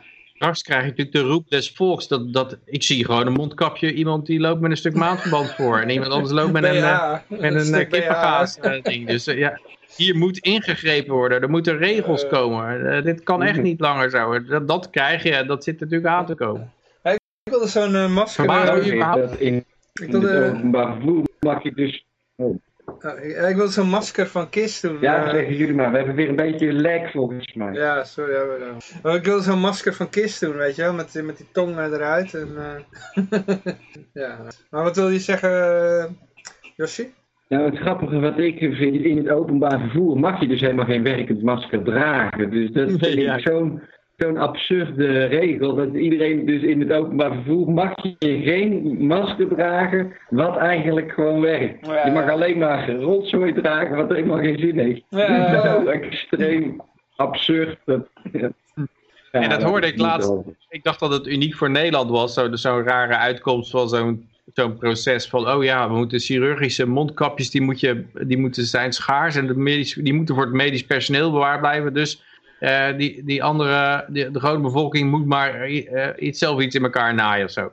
En, uh, maar ik hoorde dat laatst ook al ergens anders. in Amerika geloof ik was ook zo'n zo'n gedeelte waar je een niet werkend mondkapje op moest hebben. Ja, dat is overal ter dus wereld. Dus het is veel breder dan alleen Nederland. Het komt allemaal van de WHO, hè. Dus volgen allemaal de, dezelfde richtlijnen. Het komt allemaal van de WHO, dus. En ook dat, dat, dat was ook bepaald, dat, dat, zag je ook in die... Um, dat event uh, van vorig jaar, waar, waar, het, waar ze zaten te oefenen. Event 201. Ja, die, uh, daar hadden ze ook over de, de, de strijd tegen misinformatie. Hè? Dus dat zou alles berekend ja. dat, dat er weerstand bij het volk zou komen. En dan, ja, dan komen ze met allerlei theorieën. Ze influencers, influencers inschakelen ja. ook. Ja, dat niet alleen, maar ook een, een strijd tegen mis, wat hun dan misinformatie noemen. Ja. En dan noemen ze een, een, een, een, een infodemie, noemen ze dat. Ja, ze gingen er ook uh, uh, sociale media bij inschakelen. En ze gingen er uh, ja, influencers, Instagram influencers en allerlei lui bij inschakelen. En ik moet zeggen, ik heb wel het idee dat dat, dat het toch wel zijn effect heeft. Ik, ja, ik volg het gewone nieuws niet zo, maar ik had een familielid aan de telefoon laat. En die, die zaten ze al, eigenlijk helemaal opgesluiten in, in hun huis ongeveer. Waar hij een tijd niet uit geweest, want corona. En toen zei ze opeens van ja, en... En dan mocht je, ik mocht mijn eigen dochter dan weer zien. En ja, dan vroeg ik me af, mag ik die dan omhelzen? En uh, toen ging naar de telev televisie kijken en uh, die zeiden, het advies was, je mag ze omhelzen, maar niet te lang. Ja. Dus dat hebben we maar gedaan. denk als ja, mensen denken ook helemaal... En dat is als je af en toe je neus in de gewone wereld steekt, dan weet je gewoon niet wat je, wat je beleeft. Hè? Gewoon mensen die zich door de televisie laten vertellen hoe lang ze hun eigen dochter mogen omhelzen. Oh mijn god.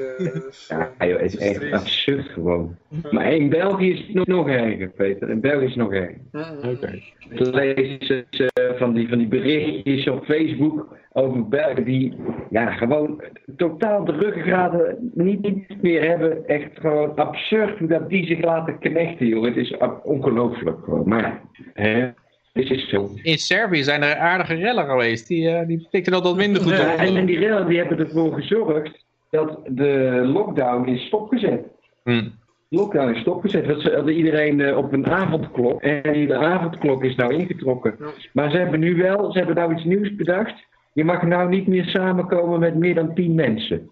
Dat is nou weer de nieuwste regel. En dat is eigenlijk dus ja, om, om die betogingen stop te kunnen zetten. Ja. Dus ja, het is allemaal gewoon crimineel gedrag van overheden. En er is een oorlog uitgesproken in maart. Iedere overheid heeft dat gewoon zo gezegd. In Nederland misschien niet, maar in heel veel van die landen, bijvoorbeeld Servië, is er gewoon een noodtoestand uitgeroepen. Er is oorlog in dit land. Dat is ja. gewoon de gang van zaken. En dat hebben mensen nog steeds niet in de gaten. Die denken van ja, oh, eh, we moeten allemaal een mondkapje op. Nee, omdat het oorlog is, moeten wij een mondkapje op. Daarom kunnen ze al die bullshit tegen ons verzinnen, weet je wel. Omdat ze in staat van oorlog zijn gesteld. Nou, en hmm. het wordt gewoon echt tijd dat we mensen gaan uitleggen dat het dus, uh, ja, een griepje is. En maar is in, Frankrijk, is in Frankrijk eigenlijk ooit die noodtoestand wel opgeheven? volgens mij is die nooit opgegeven. Die leeft al heel lang in noodtoestand, ja.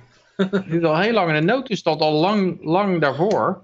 Ja, dat, dat, wordt gewoon maar doorverlengd steeds. Ik heb, ik heb nooit gehoord dat, dat de noodtoestand is opgegeven in Frankrijk eigenlijk. Nee, maar die zijn dus ook allemaal nog steeds bezig, die noodtoestanden. Of ik weet niet welke noodtoestand jij het nu bedoelt, maar vanaf maart... Ja, in Frankrijk is het al een paar jaar in een noodtoestand.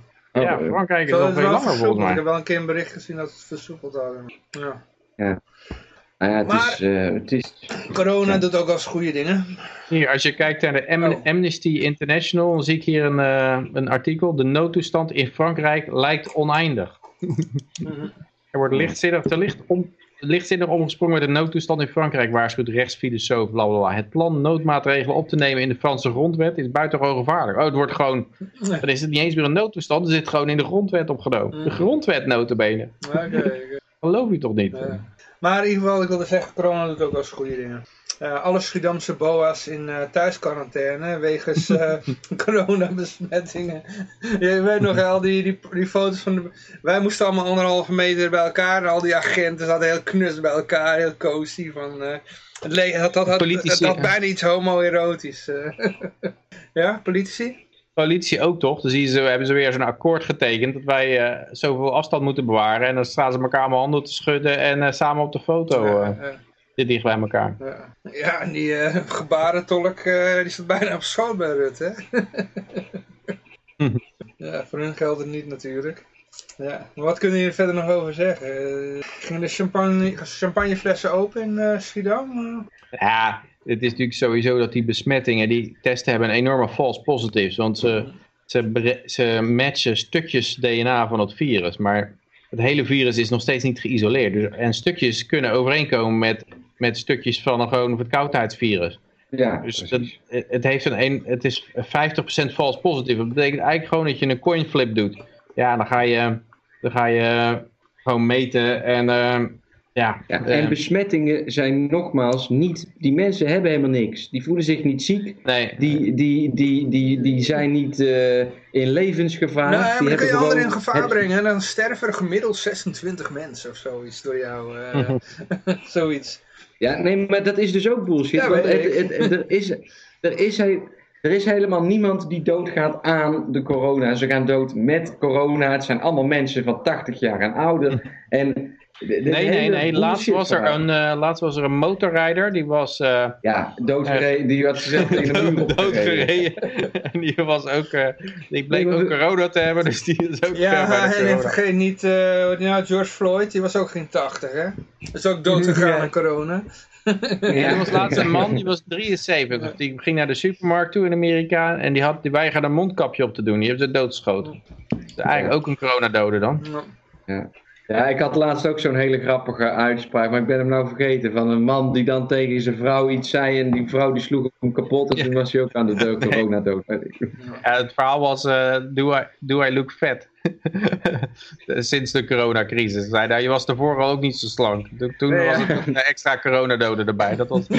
ja, die, dat was hij, ja. ja. Ja, ach ja. Weet je, we kunnen erom blijven lachen. Alleen het is gewoon uh, manipulatie van feiten die een bepaalde agenda dienen en waar we gewoon echt tegenin moeten gaan. Dit is de eerste keer dat we als Nederlanders uh, onder vuur liggen, in ieder geval in mijn leven. Uh, we hebben nog nooit een moeilijke tijd echt gehad. En dit is er wel eentje aan het worden. En als we hierin meegaan, alle ondernemers zullen het loodje leggen hoor. Alle, alle, alle horeca sowieso. Maar uh, wat denk jij nou van iemand die een verbouwing doet bijvoorbeeld? Hoe kun jij nog iemand zijn huis gaan verbouwen als je al die corona... Uh, er komen zoveel... Ja. ja. je kan toch niet verbouwen vanwege de, de, de bouwbesluitregels natuurlijk. Dus uh, dat, dat, is al afgelopen. Maar dus dat moet ook Je kan je geld alleen nog in crypto stoppen, denk ik. Dat is het enige wat je... Zit ik als je nog geld verdient. Ik zit goed, Peter. Ik heb goud en ik heb zilver en ik heb crypto. Je, en ik, je zit hier gewoon te verdienen in je boot. Gewoon. ik zit gewoon, ik, ik, ik zag de je corona in je boot rijk te worden. En ik, ik ben achterover gaan zitten en ik dacht, nou, heb ik toch goed aanzien komen.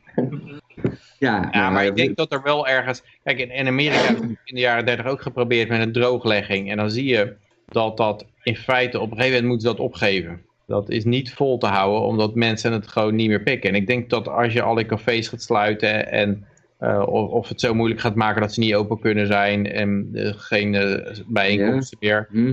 Ik denk dat er op een gegeven moment... Maar ja, het is, het is verbazingwekkend hoe makkelijk ze mensen alles kunnen laten geloven. En van de een op de andere dag weer wat anders kunnen laten geloven. Dat is ook allemaal geen enkel probleem. Ja, Eh, precies. Als ik dus de reacties op mensen helemaal in greep. is het echt minder dan 20%. Of misschien 10% van de mensen die in de gaten heeft dat er een, iets niet klopt. En die dus niet keihard er tegenin gaan, maar die, die in ieder geval, ja, het, het, het- ja. dus voordat we echt een beetje een kritieke massa hebben die er wat tegenin wil brengen, nou dan, eh, ik zie het nog niet zo snel gebeuren. Daarom denk Maar ik ze dat raken steeds meer mensen als, met dit soort dingen. Want die kunnen absoluut niet zonder alcohol. Dus als jij, als jij alcohol gaat verbieden zoals in de jaren 30, dan, dan gaat er gewoon een, een groep mensen die, die gaan door het lint heen. Die, die trekken niet meer. Die zeggen wat er ook aan de hand is, eh, eh, wat er ook aan kr- krachten tegen mij ingebracht wordt, ik ga in verzet komen. Maar er zijn ook mensen die moeten gewoon af en toe het huis uit. Die moeten gewoon af en toe, eh, die, dat zijn eh, mensen die, die trekken het gewoon niet als ze in huis opgesloten zitten. Die mensen, Ja, als je die opsluit, die komen ook in verzet. En dat worden steeds, ze gaan steeds meer dingen doen die het leven onmogelijk maken. Er zijn misschien mensen die vinden het gewoon leuk om een huis te bouwen. En als ze dat helemaal onmogelijk maken om een huis te bouwen, dan gaan die ook lopen zieken op een gegeven moment. Dus je krijgt steeds meer deelgroepjes die op een, op een gebied van hun leven geraakt worden waar ze gewoon absoluut niet nul op toegeven. Ja, maar moeten we daar nou wel op gaan wachten tot iedereen een keertje eh pisser wordt? Of moeten Ja, nou of je moet eh, zelf eh, tegen de politiemitrailleurs in gaan lopen. Dat kan natuurlijk ook. Maar eh, ik ja, maak nou ja, ik, podcast-uitzendingen.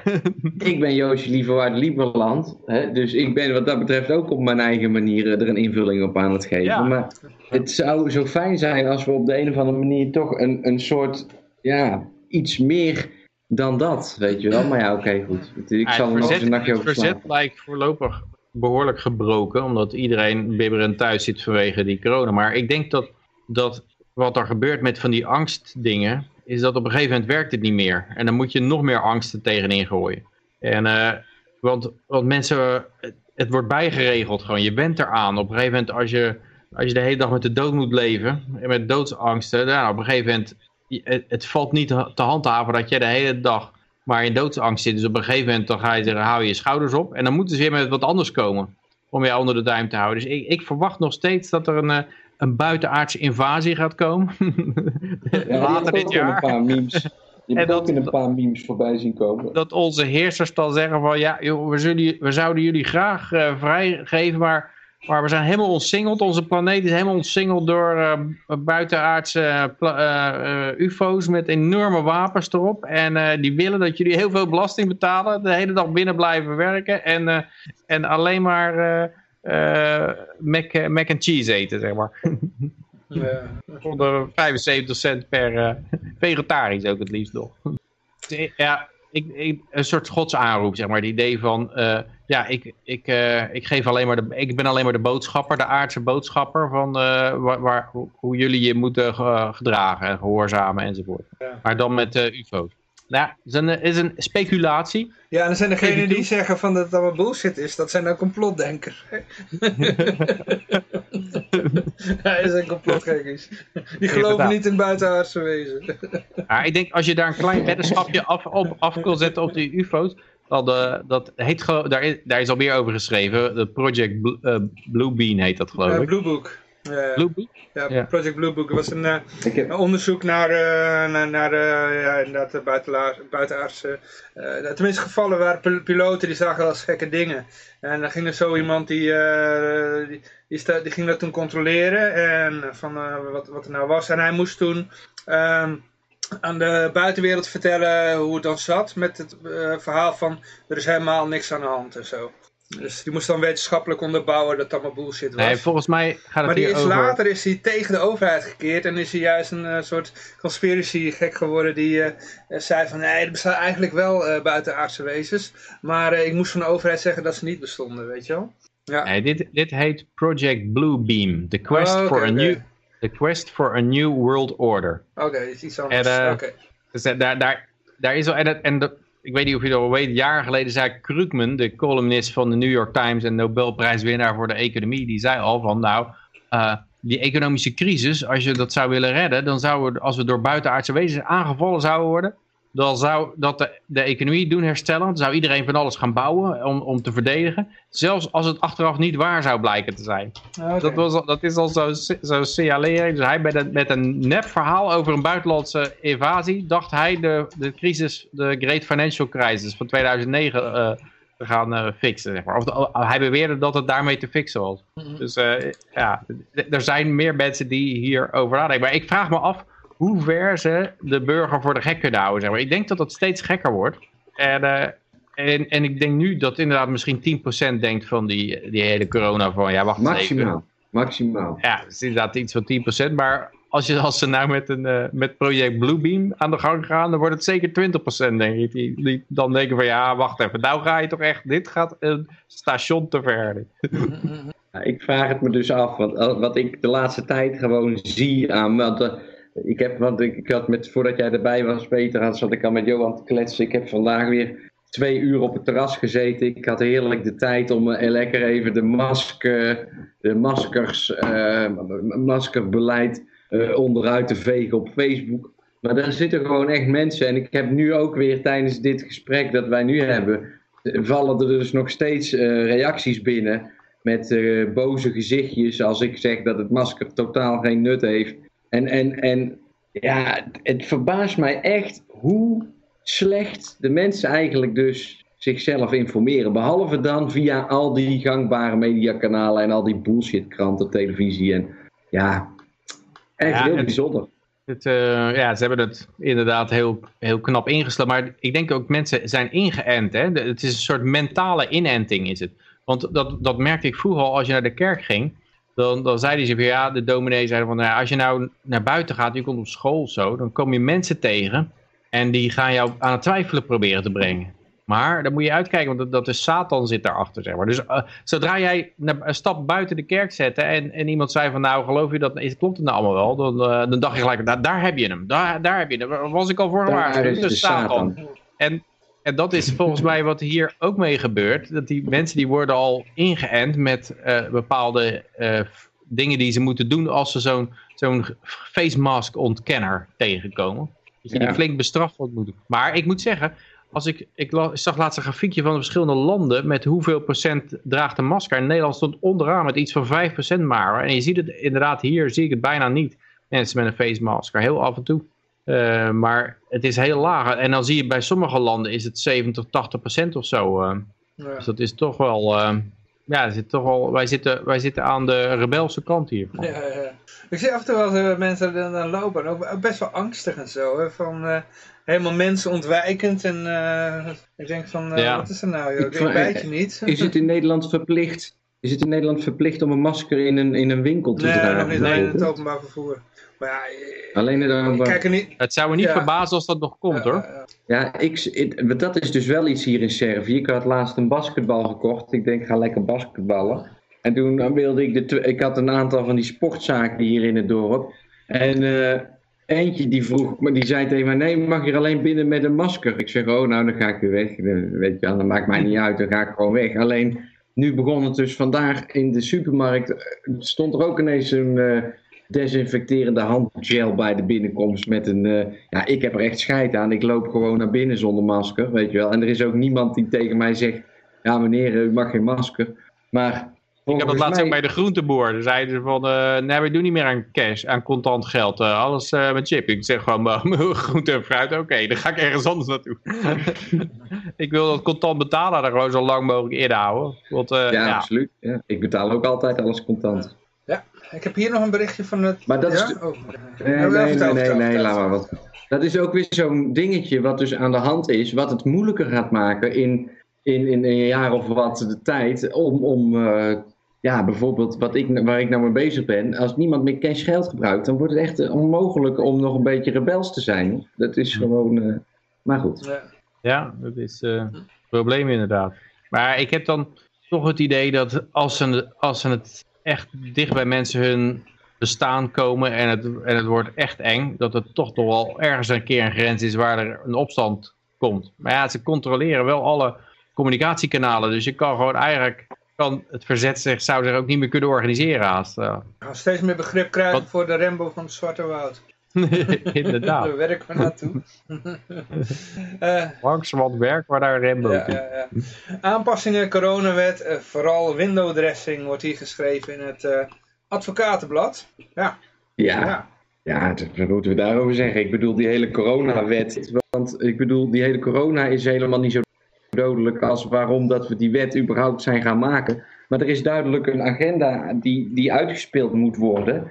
En deze wet moet er dus ook komen. En uh, ja, waar het daadwerkelijk goed voor is, dat zullen we vast nog een keer achter gaan komen.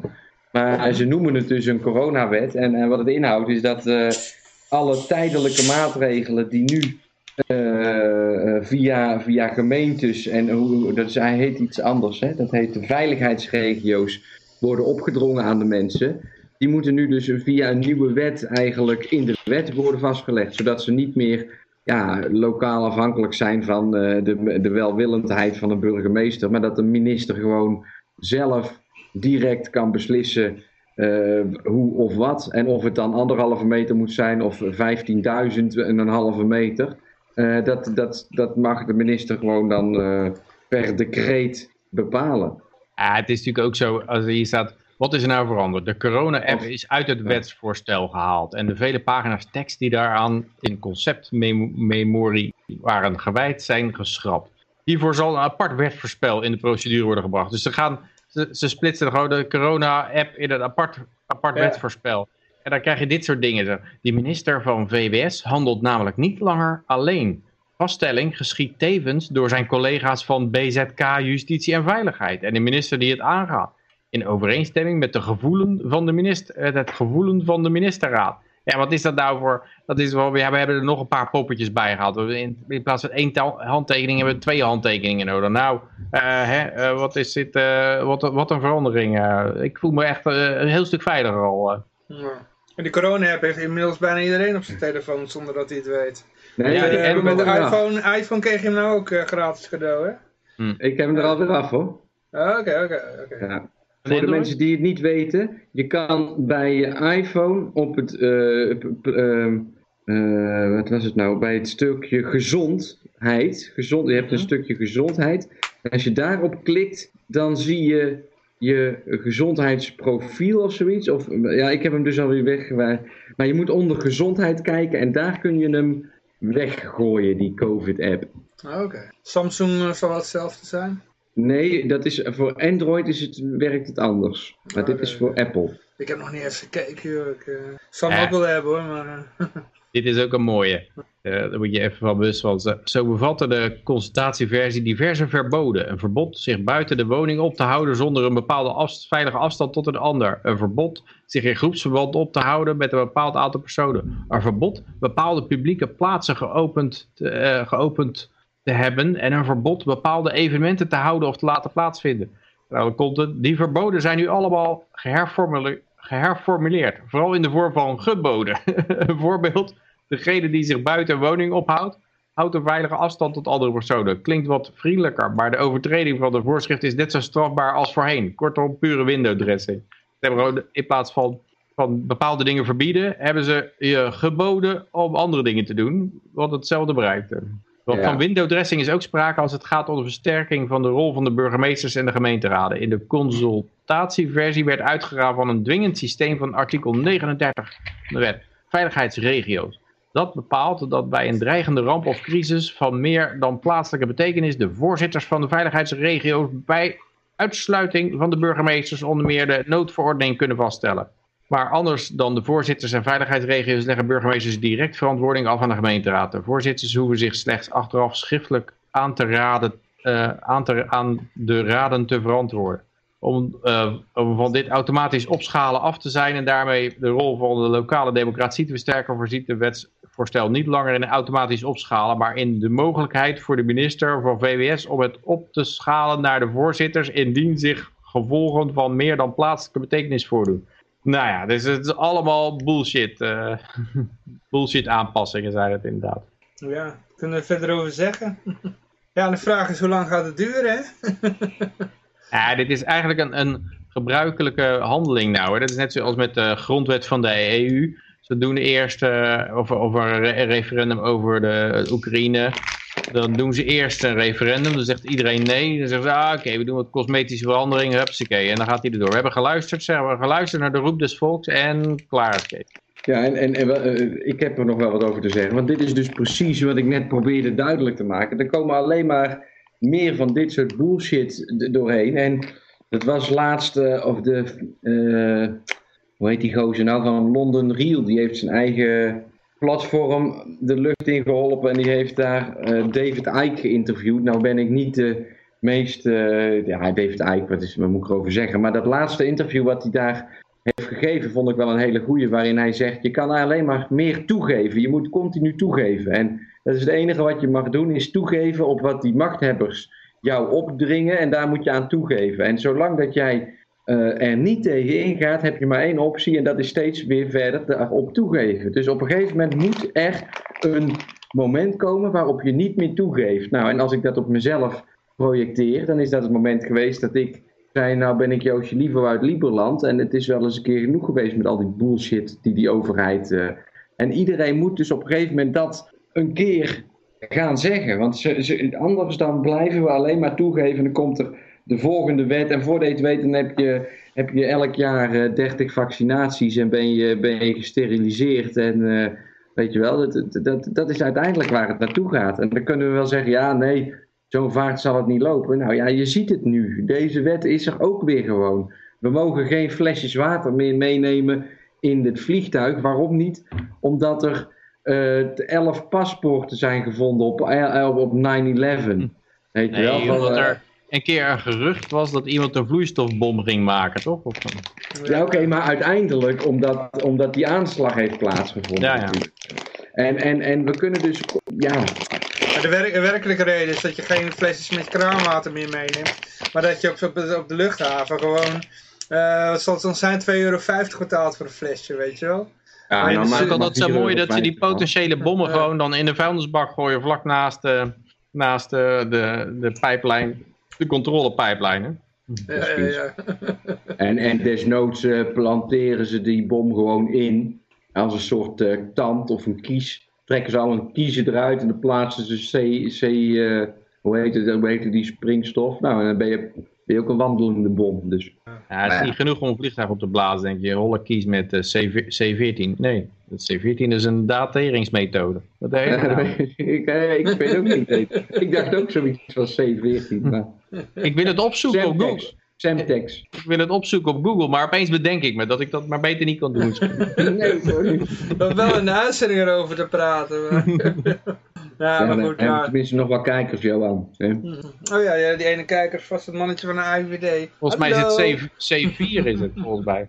C4, ja, dat kan ook, ja. Ja, goed. C4. Wij zijn in ieder geval niet van plan, hoor. We willen ook niet andere mensen op ideeën brengen. Nou, ik weet het nog niet. Misschien dat ik het ooit wel eens een keer van plan kan zijn. Nog weet je moet het wel spannend houden, Johan. Anders dan kijken ze niet meer. nee, maar ja, dus wat kunnen we er tegen doen? Ehm, de wet negeren en uh, burgerlijk ongehoorzaam zijn. De, het systeem frustreren, net als die 83-jarige vrouw met een groene huis. Overal bezwaar opmaken, uh, iedereen voor de rechter slepen, heel het systeem vast laten lopen. En jammer genoeg gaat het ook ten koste van je eigen uh, spaargeld. En, en, maar ja, dat ging er anders toch wel aan. Dus, uh, ja, nou, dat kun je beter dus dan een goed doel geven. Uiteindelijk word je er nog kwijt geweest. Je kan altijd nog vriend worden van de i-gulden. Hè? Maar uh, nee, er zitten gevolgen aan je, je gedrag natuurlijk. De verzorgingsstaat zoals die vandaag bestaat, zal daardoor wellicht niet overleven. Hè? Maar is dat dan zo erg? Want kunnen we, wil je echt in die verzorgingsstaat blijven leven als het betekent dat je dus gevaccineerd gaat worden en... Ja, ik denk dat heel veel mensen de afweging maken van ja, ik heb toch nog wel aardig wat te verliezen, want ik kan... Uh, ik kan, uh, ga toch twee keer per jaar op vakantie en ik heb uh, nog te eten en ik zit op een koopwoning. ja, ik heb een koopwoning en ik, ja, en een gezin en ik zit leuk naar, naar de Netflix te kijken of zo. Of naar, ik word vermaakt. Ik heb nergens ja. last van. Ja, en ik heb een uh, natje en mijn droogje. Dus eigenlijk maakt het ze niks uit als de rest allemaal hun productiviteit gestolen wordt en, en hun gezondheid verpest. En, ja. Uh, ja, dat, uh, maar ik denk wel dat als, als de overheid die welvaart niet overeind kan houden, doordat die hele munt instort of zo, ik denk dat dat dan toch nog wel eens heel lastig kan worden. Want dan, gaan mensen, dan gaat die afweging anders uitpakken. Hè? Dan denken mensen wel, ja, wacht even, nou heb ik, nou heb ik toch niet zoveel meer over om, uh, wat kan ik nog verliezen? Ja. Nou, wat onder andere kunnen verliezen zijn uh, wapenzendingen.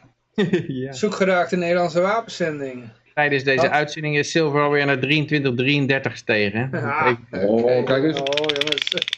Mijn piratenschat wordt steeds meer waard. Nou, ik heb hier nog wel een aantal oude ja, liggen hoor. Ja, je zit hier echt in zo'n piratenboot, Josje. Daar. Dat is een eiland ook te varen. Ja. Dat dan gaat begraven. Driemaal raaien waar hij zijn schat heeft begraven. Want dat is een enorme baard. En hij is, hij, hij, hij is best wel slim, hè. Want hij heeft een gat gegraven daar in de grond. En uh, daar is die kist in gegaan. Maar die, die, die, de rest van dat zand heeft hij in zakjes gedaan. En dat loopt hij nou te verkopen als Liberland zand. Probeert hij nog twee keer aan te verdienen. op een gegeven moment zeg ik dat ik mijn harddisk met, met 10.000 bitcoins op Liberland heb uh, begraven. En dan komen daar duizenden Indische... Chinezen. Ja.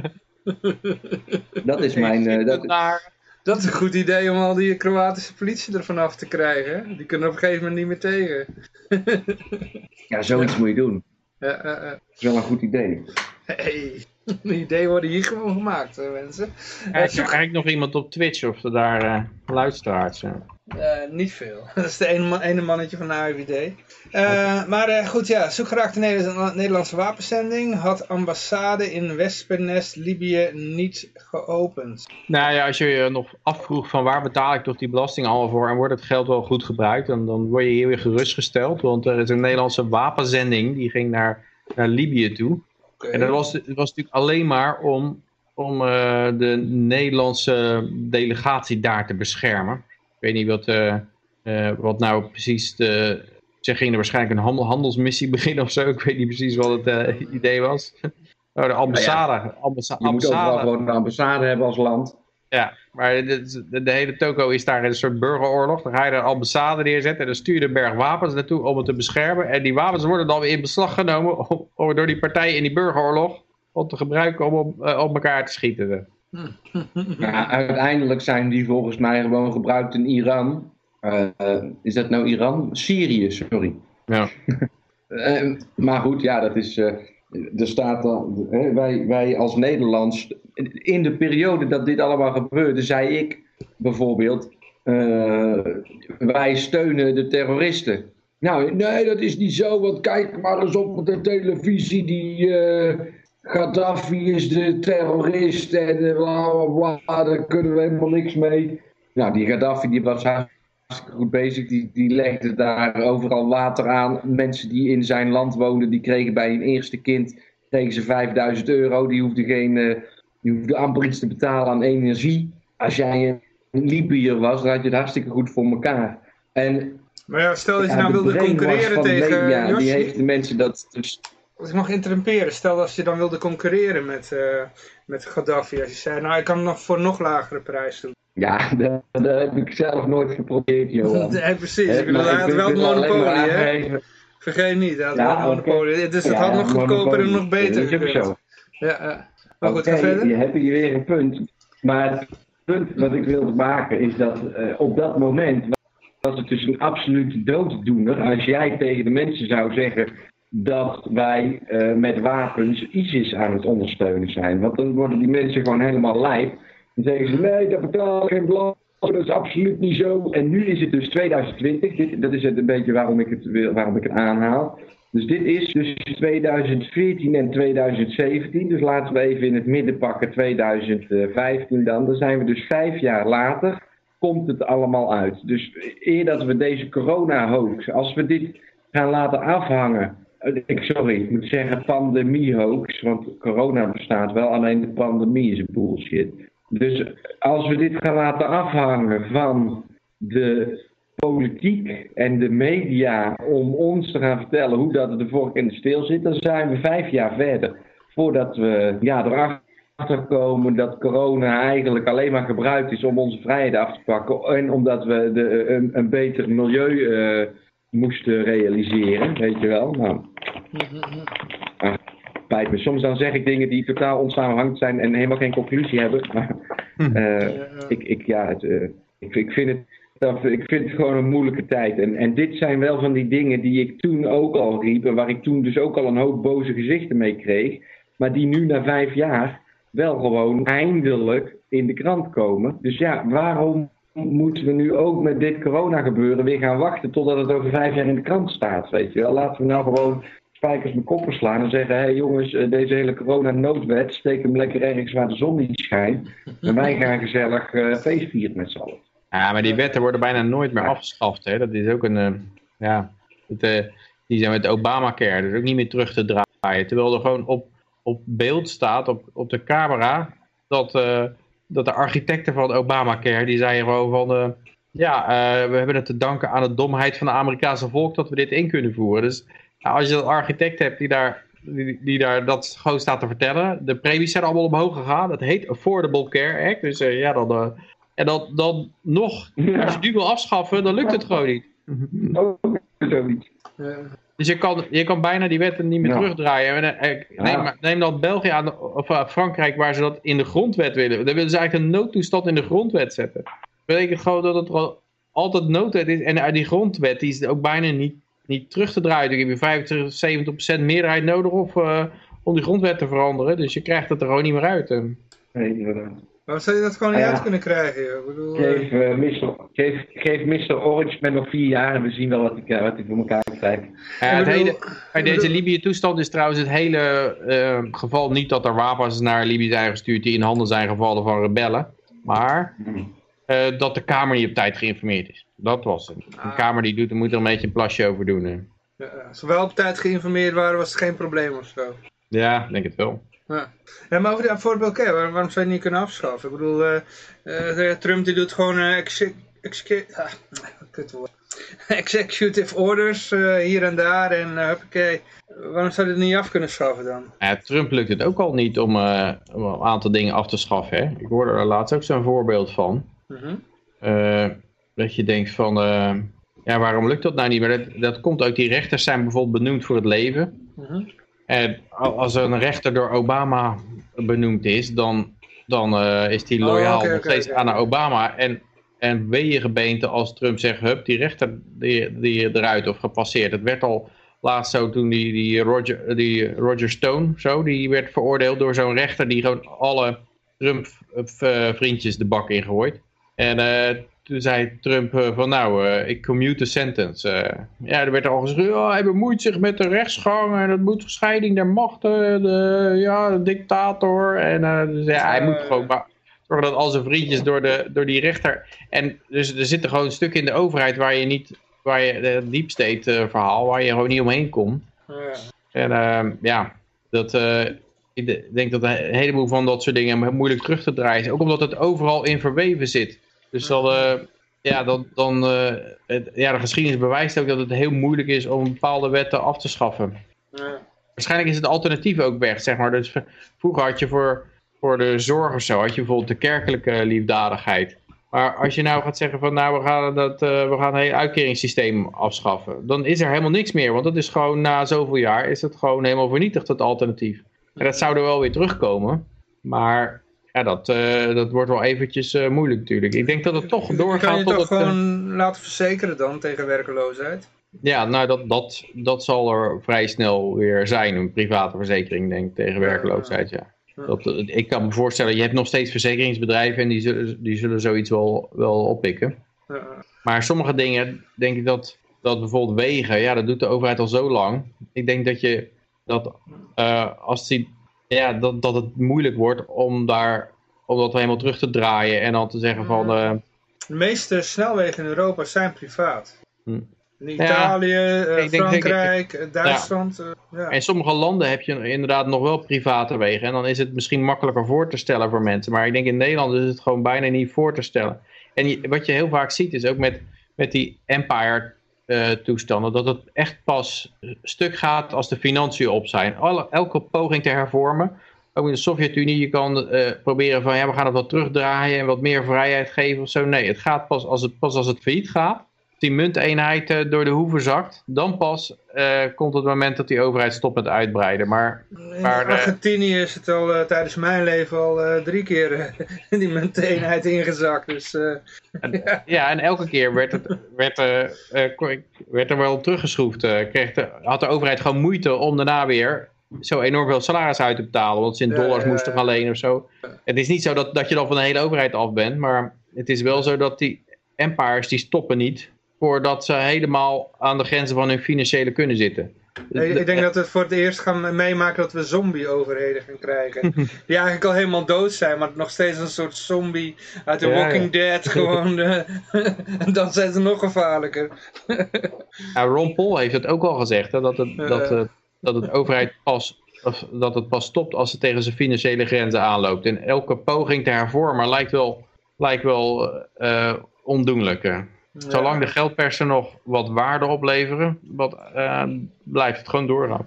Maar eigenlijk bedoel, de, de, over zombie-overheden gesproken. Ik bedoel, de, een van de, van de Sovjet-Unie heeft niet geleid tot het, dat, het, dat, dat de Sovjet-Unie eigenlijk niet meer bestond. Het is alleen maar zich als een, het is net een soort kankergezwel wat je dan weghaalt. Maar dan blijft er nog een beetje over, weet je wel. En dat gaat zich helemaal uitzaaien. En dat is wat, wat er bijvoorbeeld met de Sovjet-Unie gebeurd is. Want al die gasten van de, van de, van de KGB en eh, noem maar op. En al die eh, informanten, die, die zaten over de hele wereld verspreid. En die zijn daar gewoon voor zichzelf begonnen. En dat is nou waar we nu last van hebben. Met, hè? Tegen toko gaan runnen. ja, ja, maar dat is waar we nu last van hebben. Die, dat is overal, al, al die linkse celletjes die overal zitten. Maar Ja. Hey, het is natuurlijk wel zo dat de Sovjet-Unie is wel ten einde gekomen in de zin dat die landen als Turkmenistan en, en eh, Nou ja, het is allemaal uit elkaar eh, gevallen. Als landeenheid is uit elkaar Oezbekistan en zo, die zijn min of meer onafhankelijk geworden. Ik weet niet wat Ja, daar in de praktijk van terechtkomt. Maar ik bedoel, Poetin was ook gewoon een KGB-agent. dus ja, Ja. dat soort onderdelen van de, van de Sovjet-Unie zijn gewoon...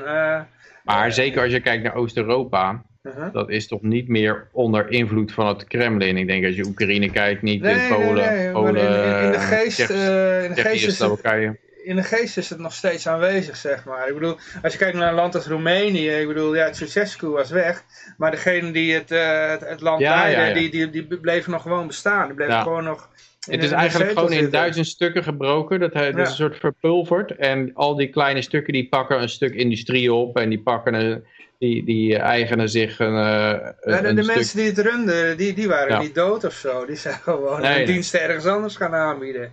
Ja. Dus ja. Maar eigenlijk, eigenlijk blijft het in, in, in stand, maar het zoekt naar een nieuwe verhaallijn.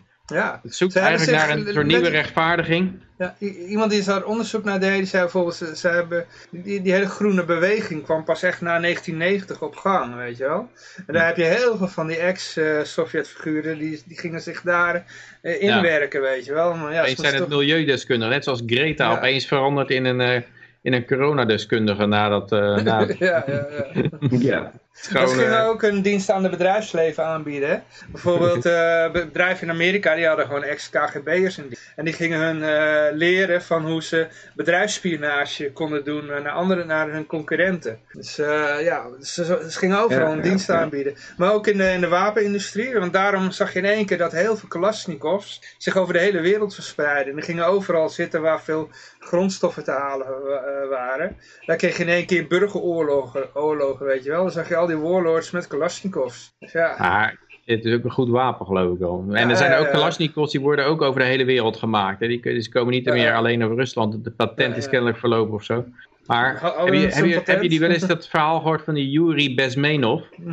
Die, Eh, eh, ex-KGB'er ook. die ja. ex-KGB'er die vertelt over Maar hoe je zo al samen... tijdens de, die was al tijdens de Koude Oorlog al overgelopen hè, naar Ja. Amerika. Ja. Maar hij, vertelt, hij legt uit hoe je zo'n samenleving omverwerkt met eerst demoraliseren, Ja, ja. dan eh, destabiliseren, dan eh, crisis. En hij zegt dat het hele demoraliseren dat duurt wel twintig jaar of zo. En dan de crisis Ja. dat duurt eh, twee maanden. En daarna normaliseren. Dus hij zegt eigenlijk, hij zegt al die figuren die gebruikt worden om zo'n crisis, uh, om zo'n machtsomwenteling te krijgen. Die lui met blauw haar en allerlei uh, gekke ideeën. Die worden daarna allemaal gelijk tegen de muur gezet. Want dan heb, je, heb je een enorme crisis. En dan, dan verandert de, de macht. En de, en de nieuwe machthebbers zeggen nou, we horen dat de burgers behoefte hebben aan rust en stabiliteit. We zullen de rotdraaiers uh, tegen de muur zetten. Hup, die, gaan, uh, die worden dan allemaal uh, aan de kant gegooid. Een soort nacht van de lange messen, zeg maar. Ja, precies wat Hitler ook deed. En dan, dan krijg je daarna de rust en stabiliteit die de burger graag wil hebben. Maar dat is dan wel, dan is wel de hele machtsbasis veranderd. Oh, we hebben Hitler genoemd, hè? dat was het ook alweer. Oh shit, een clip. Ja, de Godwin, hartstikke idee. Nee, maar de, hoe heet dat, de, de, de, dat was, was ook een reden. één ding voordat we oh, naar ja? het volgende gaan. Voordat... Ja? Ja, ik wil uh, nog heel even over dit artikeltje. Wij zeiden van, het ging erover dat de Kamer niet op tijd was ingelicht. Het laatste alinea van dit artikel. Het is overigens niet uit te sluiten dat de Kamer wel op de hoogte is gesteld van het incident met de in Tripoli. In 2018 de minister Stef Blok en Ank Bijleveld twee keer in mei en oktober een vertrouwelijke brief naar de Tweede Kamer met als onderwerp Libië. Op 18 oktober werd de brief van begin oktober door de Kamercommissie die over buitenlandse zaken ging voor kennisgeving aangenomen. Nou, dus uh, wie Zo, weet dit, wat er, Dit is waarschijnlijk gewoon theater. Gewoon, uh... ja. Ja, ja, is niet sorry dat, ik het, sorry dat ik het nou weer helemaal omdraai, het gesprek. Maar ik, ja, ik las dat, ik denk, ja, dat moet toch even gezegd worden. Ja, dat is wel even belangrijk, ja. ja. Maar we gaan nu even naar de Duitse Wout Rembo. Hij is, hij is opgepakt inmiddels. maar uh, ja, het heeft hem wel een nou. beetje geduurd, hè. Ja. Wat hebben ja, we hier even uitleggen. Dat was, een, was een Duitse Wouter Rembo. Die ontwapende, 15, uh, ontwapende vier agenten en is 1500 manschappen te slim af. Hij is het woud ingevlucht. Dat is een oh. beetje zo inderdaad zo'n soort uh, Rambo. Die het lukt gewoon om vier agenten uh, te ontwapenen. En uh, het woud in te vluchten. 70 in het bos rond Oppenau. 70 kilometer ten noorden van Vrijburg, de Franse grens. Het gebied is 8,6 vierkante kilometer groot. Dat ook niet zo ontzettend groot natuurlijk. Maar dan gaan ze dus 1500 manschappen gaan ze erop afsturen. het terrein wordt nauwgezet uitgekomen door honderden manschappen. Speurders gaan er immers vanuit dat Rausch nog in de buurt is.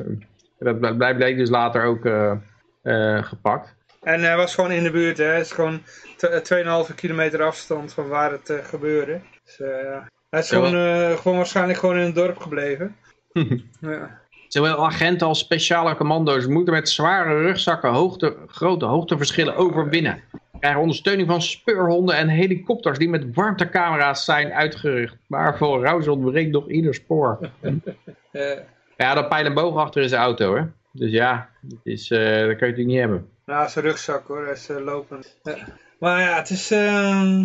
Ik weet niet, ik, ik, had het er eigenlijk bij gehaald, eh, vooral vanwege de framing. Misschien was dit niet het beste artikel, maar als je vooral, vooral dan de Telegraaf, uh, zo'n filmpje van de Telegraaf kan kijken, dan werd die man helemaal uh, zwart gemaakt, mm -hmm. die, uh, die Yves Rausch. En uh, ja, zelfs nog letterlijk voor pedofiel uitgemaakt. Hè? Dus, en hij was levensgevaarlijk en niet goed bij zijn hoofd. En, en dat zijn meestal mensen die, die, uh, die gezond verstand hebben dan. Als je dit soort dingen hoort, dan denk je, nou, het is interessant. Ik wil wel eens horen wat hij voor u te zeggen heeft. Ja, nou, hij heeft een pamflet, uh, zou die achtergelaten hebben. Maar ook vooral het woord, het taalgebruik wat er gebruikt werd. Er werd nooit iets met zekerheid gesteld. Er werd altijd gezegd, hij zou dit, hij zou dat, hij ja. zou dus zus en zo. En het was allemaal op die manier, werd het dan verteld. Ik denk van, nou ja, dan weten jullie het zelf niet eens zeker, weet je wel. Dan zal het wel niet.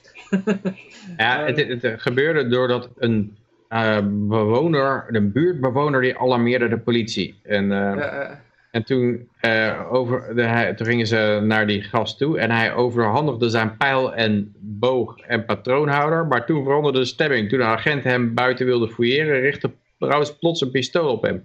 Ik hield er rekening mee dat hij zou schieten en dat ik in deze hut zou sterven, zei de betrokken agent daarover. Oh, ja, Later over, dus het wordt allemaal weer vanuit de agent zijn, uh, zijn doodsangsten worden uitgevoerd. Uh, ja, maar, maar dat ze daar uh, waren en alle vier een pistool op hem richten, ja, nee, dat, ja, dat maakt niet uit. dat ze met 1500 man achter hem aan zitten, in, in, als hij ergens in een woud zit, dat maakt ook voor de rest allemaal niet uit. Nee, nee, er moet, je moet weer ons richten op de agent die wel dacht dat hij wel had kunnen sterven in die hut daar en daar op dat moment. Uh, uh, maar hij heeft een fascinatie voor wapens, is die, hè? ik heb nog verder, ik heb nog wel een beetje van alles te lezen, ook vooral Duitse media ook nog even gekeken. Maar de reden dat hij in die hut zat, het was een verlaten blokhut, die eigenlijk niet meer gebruikt werd, maar wel nog van iemand was. Uh, maar er staan er wel meer van die dingen in, in, Duitse woud. En daar zat hij in en dat was omdat hij uit zijn eigen huis was gezet wegens een huurachterstand. En ja, hij moest toch ergens uh, zitten, dus is hij maar in die oude blokhut gekropen. En uh, ja, goed, toen kwam de agent even polshoog te nemen. Maar ja, goed, hij had dan een, een, een geschiedenis met de politie. Ja, dus die niet al te positief was. Dus, hij had zijn ex-vriendin met een kruisboog neergeschoten. Dat is natuurlijk ook niet al te best. Ja. Ah, misschien zelfverdediging. Ja, we, we, kennen het verhaal natuurlijk niet. ja, ik ben nu ook geneigd om er voor hem op te gaan nemen, omdat hij helemaal zwart gemaakt wordt. Ja. Dus ik denk, er zal waarschijnlijk wel iets goeds aan hem zijn. Misschien wil hij gewoon geen mondkapje dragen. ja, dat is ook zo. Er is een manifest achtergelaten en dan... Uh, ja, ze hebben een café een papiertje Volgens de Duitse media werd de tekst in de plaats een horeca-aangelegenheid gevonden. Volgens de politie valt daar geen politieke richting uit op te maken. Er valt niks uit op te maken. Maar we, we zullen hem niet, uh, we laten hem niet lezen verder, maar er is dus niks uit. Uh, dus... ik heb al stukken eruit gelezen. Het was gewoon een soort boekenverslag van een, uh, iemand die had ooit een keer een boek geschreven over het leven in het woud. En daar was het een soort boekenverslag van. Dus het, het is niet eens duidelijk dat het, of het door hem geschreven is. Misschien was het gewoon door een, een student geschreven en die had het per ongeluk uit zijn tas laten vallen. Dus ja, het is gewoon een, stuk papier in een, uh, van een boekenverslag is er in een café gevonden. ja. Doe maar. Ja, ja, ja. ja, maar dat doen ze wel heel vaak. Hè? Dat er, dan is er een, uh, een uh, pamflet geschreven, maar die Nieuw-Zeelandse figuur ook. Dat mag je vooral niet lezen, dat pamflet. Het is zelfs strafbaar was het bij de Nieuw-Zeelandse moordenaar om het, om het pamflet in bezit te hebben. Mensen die het pamflet op hun computer hadden staan, die, die, die zijn daar konden in de gevangenis belanden. Oké. En dan ga je natuurlijk helemaal afvragen, want nou, dan moet het wel ontzettende overtuigingskracht hebben, dit pamflet. Ja. Maar um, ja, ik heb ook nog, uh, ja, dat hebben jullie wel niet, uh, want die heb ik nog voor de uitzending ik nog even gepost.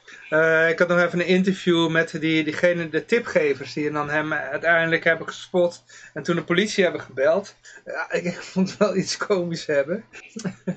die, ene man, die, er waren twee mensen eigenlijk, allebei familie van elkaar. De een was vader, de ander dochter.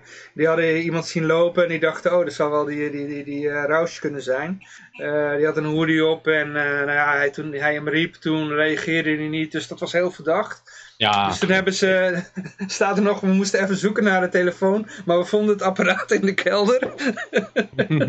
dan zie je ook echt zo'n een boerendorp, weet je wel. Waar iemand, en hij zat dan met een bijl bij een, uh, wat hout te hakken. En hij praat in een soort Luxemburgs dialect. En bijna niet te verstaan, maar goed. En dan zegt die vrouw vervolgens, ja, toen zei de politie van, oh ja, doe de ramen op slot.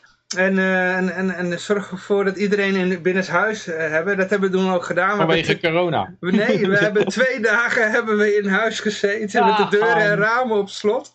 En, en het zeiden, ja, het was wel een opluchting dat we eindelijk niet aan corona hoefden te denken, maar aan Rausch. aan uh, Yves Rausch van de, de Waldrembo. dat denk ja, maar wat, je, wat ik hieruit opmaak, kijk, iemand die in een bos rondloopt, is totaal geen enkel gevaar, voor niemand met een pijl en boog. Of met, uh, oh, zelfs met een vuurwapen niet. Uh.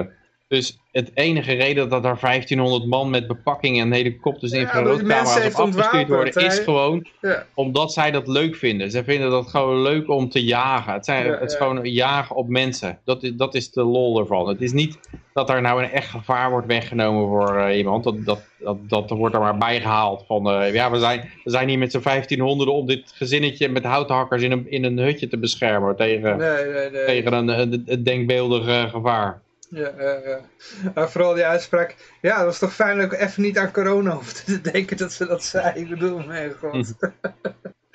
oh mijn god. En dan wonen ze echt in een, in een, in een, dorpje ergens in, in het Zwarte Woud, weet je wel. Alsof daar iets gebeurt, maar goed. Uh, ja. En, en ja, eh, ja, er werd dan ook nog bijgezegd, hij, hij zou wel, eh, tenminste, nee, nee, dat werd heel cryptisch omschreven. Uh, bij de aanhouding was dan uh, een van die uh, politiemensen was verwond door een bijl. Ja, maar er werd dan gevoer, ja, gesuggereerd alsof het door hem zou komen. Maar er staat wel bij, hij heeft zich overgegeven. Ja, waarschijnlijk had hij de bijl opgepakt en op zijn poot laten vallen of zo, weet ik veel. Ja, ja. ja. ja licht Maar dat was ook zo mooi bij die, bij die ehm, auto die op die Black Lives Matter demonstranten inreed. Hè? Er was, er was een ja, er stonden enkele Black Lives Matter demonstranten. En het waren dan van die, van die blanke vrouwen met blauw haar. Genderfluid types. Of lesbiennes. Het was een heel vaag, uh, vaag. En er komt dus een auto... Ja, er komt een auto aangereisd. En die staat op een, op een snelweg. Dus er komt een auto aangereisd. En die knalt zo tegen twee van die wezens aan, zal ik maar zeggen. En die vliegen dan door de lucht heen. En ik geloof dat ze of alle twee dood zijn. één dood is zwaar gewond. En nou bleek dat daar, dan zat daar dus een, een, zwart in. Nou, dat is natuurlijk gelijk al een probleem dan voor de narrative. Want je wil hebben dat er een MAGA-het werende Trump supporter in zit, die racistische leuzen roept en uh, take that nigger of zoiets. Als je dat niet hebt, dan, ja, dan, uh, dan, dan valt de narrative in het niet. Dus wat, wat werd, er, werd er veranderd in uh, they were killed by a luxury car. dus wacht even. gaan ze dus verhalen. Het was, een, het was een luxury car die de moord uh, pleegde. Dus is hier een bijl die verwonde een politieman. Het, uh, er zat voor de rest niemand vast aan die bijl of zo. Dan moet je letten. Het is nog überhaupt de vraag of het zijn bijl was. Hè? Want ja, het is een dorp waar iedereen zijn hout hakt. Dus hij kon ook gestruikeld zijn over gewoon een bijl die iemand daar had rond laten slingeren. Die niet eens de bijl van Roos was. Ja. Dat kan ook. ja. Ah, als je een beetje doorkrijgt hoe ze die narrative steeds veranderen. En, en hoe, ze, hoe ze dit framen, zoals het ze uitkomt. Alles moet in racistisch uh, licht geframed worden. Ja, er zijn gewoon mensen die, die absorberen dat allemaal. En die hebben dan echt het idee van, ja, het is echt ontzettend, het is overal dat racisme. Ja, uh, als, je, als je je nieuwsberichtgeving zo, zo in beeld brengt, ja, dan is het inderdaad overal. Ja, dan, dan, dat lijkt dan wel zo, maar ja, ik snap ook niet waarom. Het is natuurlijk aan de ene kant, die kranten vinden het natuurlijk heel sensationalistisch. Het, is natuurlijk, uh, het verkoopt heel veel uh, oplagers waarschijnlijk als je een enorm drama creëert met racisme. Maar aan de andere kant, ja, het helpt wel de hele samenleving naar de kloten. Want iedereen denkt, gaat er op een gegeven moment denken van, ja, is het nou echt zo? Uh... Wat er ook gebeurd kon zijn, is gewoon dat die agent al de Roos benaderd. Die zei van, nou, jij mag uh, een week lang hier Walt Rembo gaan spelen. Uh, hier heb je een pistool, uh, bedreig ons maar even of zo. Of uh, wij, wij gaan gewoon vertellen dat je ons bedreigd hebt. Dat hoef je niet, je hoeft ons niet eens te bedreigen.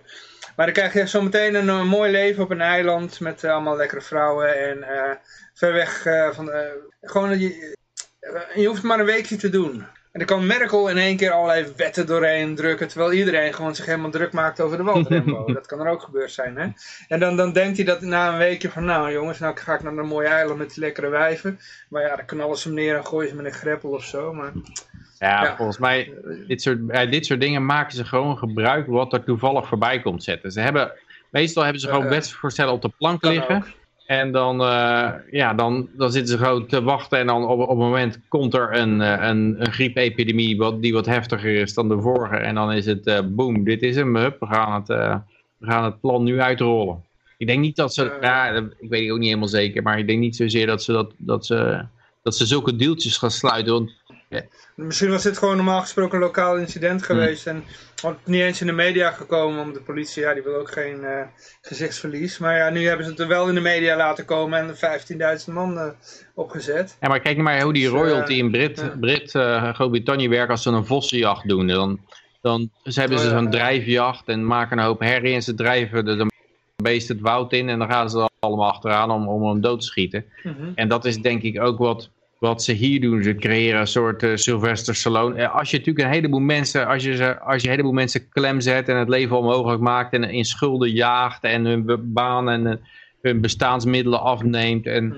dan, op, dan zullen er een heleboel mensen die zeggen, nou, dan ga ik maar in het woud leven of zo met een pijl en boog. Nou, dan heb je een Wouter Rambo te pakken. Dus, ik denk dat je, dat je dit soort mensen, net zoals je, als ze terroristen, die bouwen ze gewoon eigenlijk. Hè. Je gaat mhm. gewoon ergens bommen gooien in, uh, in Syrië op een, op een dorp en je hangt er ook Nederlandse vlaggen aan. En dan die mensen die een halve familie kwijt zijn, die zien dan dat vlaggetje nog en die denken van die fuckers die ga ik terugpakken. En dan heb je een terrorist. Maar dat is, is niet zo dat ze dan een afspraakje mee maken of zo met zo iemand. Het is meer, ja, ze creëren gewoon de condities ervoor. Ja, ja in het geval van deze gozer kan het ook inderdaad ook wel zo zijn, ja. ja. Ja, maar even kijken. ja, Josje, had jij nog iets te zeggen? Oh, Johan, zoveel, maar nee, nee, nee. Ja, ik, ik hoop heel erg dat we, dat we een, een soort awakening gaan krijgen deze winter. Maar ik ben allemaal bang dat, het, dat, het nog, dat we pas aan het begin staan van een heleboel ja, vrijheidsbeperkende, een vrijheidsbeperkende periode. Nou, die, die, dus die ja, gaande zolang ik leef. Ik kan, ik kan iedereen, ik kan iedereen uh, weer eens oproepen om uh, vriend van de i-gulden te worden. Dat kan nou altijd. Uh, ja. ja, verder. Oh, ik heb nog wel iets. Ik ben bezig met het schrijven van een tekst, Johan. Oh, ik heb, zo, ja. Het, maar het is zo mooi weer dat ik niet echt heel, heel veel op papier heb gezet tot op heden. Ik ben vorige week begonnen. Ik heb nou een soort van introductie. Dat is vijf pagina's tot nu. En het gaat over waarom Joodje liever naar Nederland uh, wil. En een beetje geïnspireerd door wat er nu dus allemaal met corona aan de hand is. Laat het maar gewoon op die manier uitdrukken. het is niet alleen die corona natuurlijk, maar ik heb, vrije tijd en ik heb zoiets van, nou, ik zal weer proberen om mijn gedachten op papier te zetten. Dus ik weet ook nog niet hoe het gaat eindigen. Misschien wordt het wel een boek. Ja, het, het, Josje Livo... Ik ben, ik ben in ieder geval... Uh, het Josje Livo manifesto. Ja, ook omdat ik een rechtszaak tegen de... Ja, ik heb natuurlijk de rechtszaak tegen die dictator het liedskaap over mijn hoofd hangen. Dus ik moet toch een beetje iets produceren ter verdediging van mijn doen en laten. En uh, nou, ik dacht van ik zal weer eens proberen. Ik schreef voordat ik naar Servië afreisde, een jaar of vier geleden of zo, schreef ik met, met enige regelmaat wel blogposts. Uh, uh, ja, dat is nou toch een beetje. Ja, ik, ik, ik, weet niet. Ik heb niet zoveel veel te vertellen gehad de afgelopen tijd. Ook omdat ik bijvoorbeeld uh, in die, in die NPO-documentaire mijn kans gemist heb. Hè, zoals de NPO het stelt in ieder geval. Mm dus ja, daardoor is het een beetje stil, tot stilstand gekomen allemaal. Maar ik heb nou toch wel behoefte om nou ja, in ieder geval van me af te schrijven van wat ben ik hier nou eigenlijk aan het doen. Want er zijn zo weinig mensen die mij begrijpen dat ik toch maar weer eens wil proberen om mezelf te verklaren. Ook om mezelf een beetje te toetsen van je nog wel en moet je niet gewoon uh, het allemaal opgeven of weet je wel een beetje te motiveren van mezelf. Dus nou ja, dat kan ik nog vertellen, dat ik een tekst schrijf. Ja. Nou ja, goed, ja, we, zijn benieuwd. Als het uh, klaar is, mag het komen vertellen uiteraard. Ja, ja. ja. dan, gaat hij, dan doe ik hem naar het Engels en ik denk erover om het ook naar het uh, Servisch te vertalen. Maar ja, goed, ik moet nog even kijken hoe of wat en uh, of, of, dat er überhaupt een beetje een, een tekst uitkomt. Ik heb het nu allemaal over spiritualiteit en shit.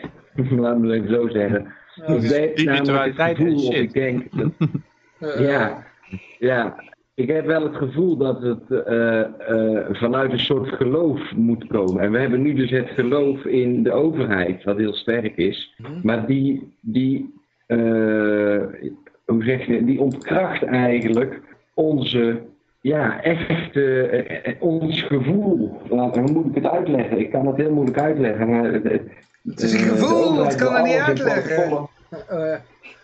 Om wel te protocollen alles in protocollen, alles in regeltjes en, en, en volg de regeltjes en dan gaat het goed. En dat is het gewoon niet volgens mij. Volgens mij moeten we, weet je wel, 99% voel je het aan of iets goed of fout is. Nou ja, goed. En uh, ik, ik zeg al, ik heb nog geen flauw idee hoe dat de tekst eruit gaat komen te zien. Maar ik zeg het in ieder geval maar. Dat ik, uh... Oh, en ik kan nog zeggen dat ik een week uh, nu gestopt ben met roken. Vind je oh, daarvan, Oké, okay, ja. Oh, nou, gefeliciteerd. Ja. Nou, daar doe ik geen applaus voor. Ik zal ook meteen verklappen dat ik gisteren in een café een hele leuke meid ben tegengekomen. En dat ik daar zoveel gezopen heb dat ik toch één peuk uh, gerookt heb. Dus eigenlijk ben ik helemaal niet gestopt en ben ik vandaag weer opnieuw gestopt. Ja. Uh, maar ik heb het wel een week volgehouden in ieder geval. En ik heb vandaag weer niet meer gerookt. Dus ach ja. Ja. Ja. Uh, ja. Ja, als het goed is ga ik van de week nog voor de koken, Johan. Dus... Ah, kijk, kijk, kijk. Nou, er ontstaan mooie dingen. ja. Ja, nee, goed joh. Nou ja, dankjewel uh, Josje, dankjewel Peter ook. En uh, ja, dank van mezelf. En uh, uiteraard de luisteraars voor het luisteren naar deze uitzending. Uiteraard zijn we er morgen weer met Stuurloos. En dan hebben we Rumi Knoppel in de uitzending. ja, van, je zou het de Libertarische Partij van Suriname kunnen noemen. alleen het heet anders. En die gaan we uitgebreid uithoren. En ja, daarna zijn we er gewoon volgende week weer met uh, Vrijheid Radio. En hier is de eindtune. Oh ja, en ik wens iedereen een vrolijke en vooral heel erg vrije week toe. En even kijken.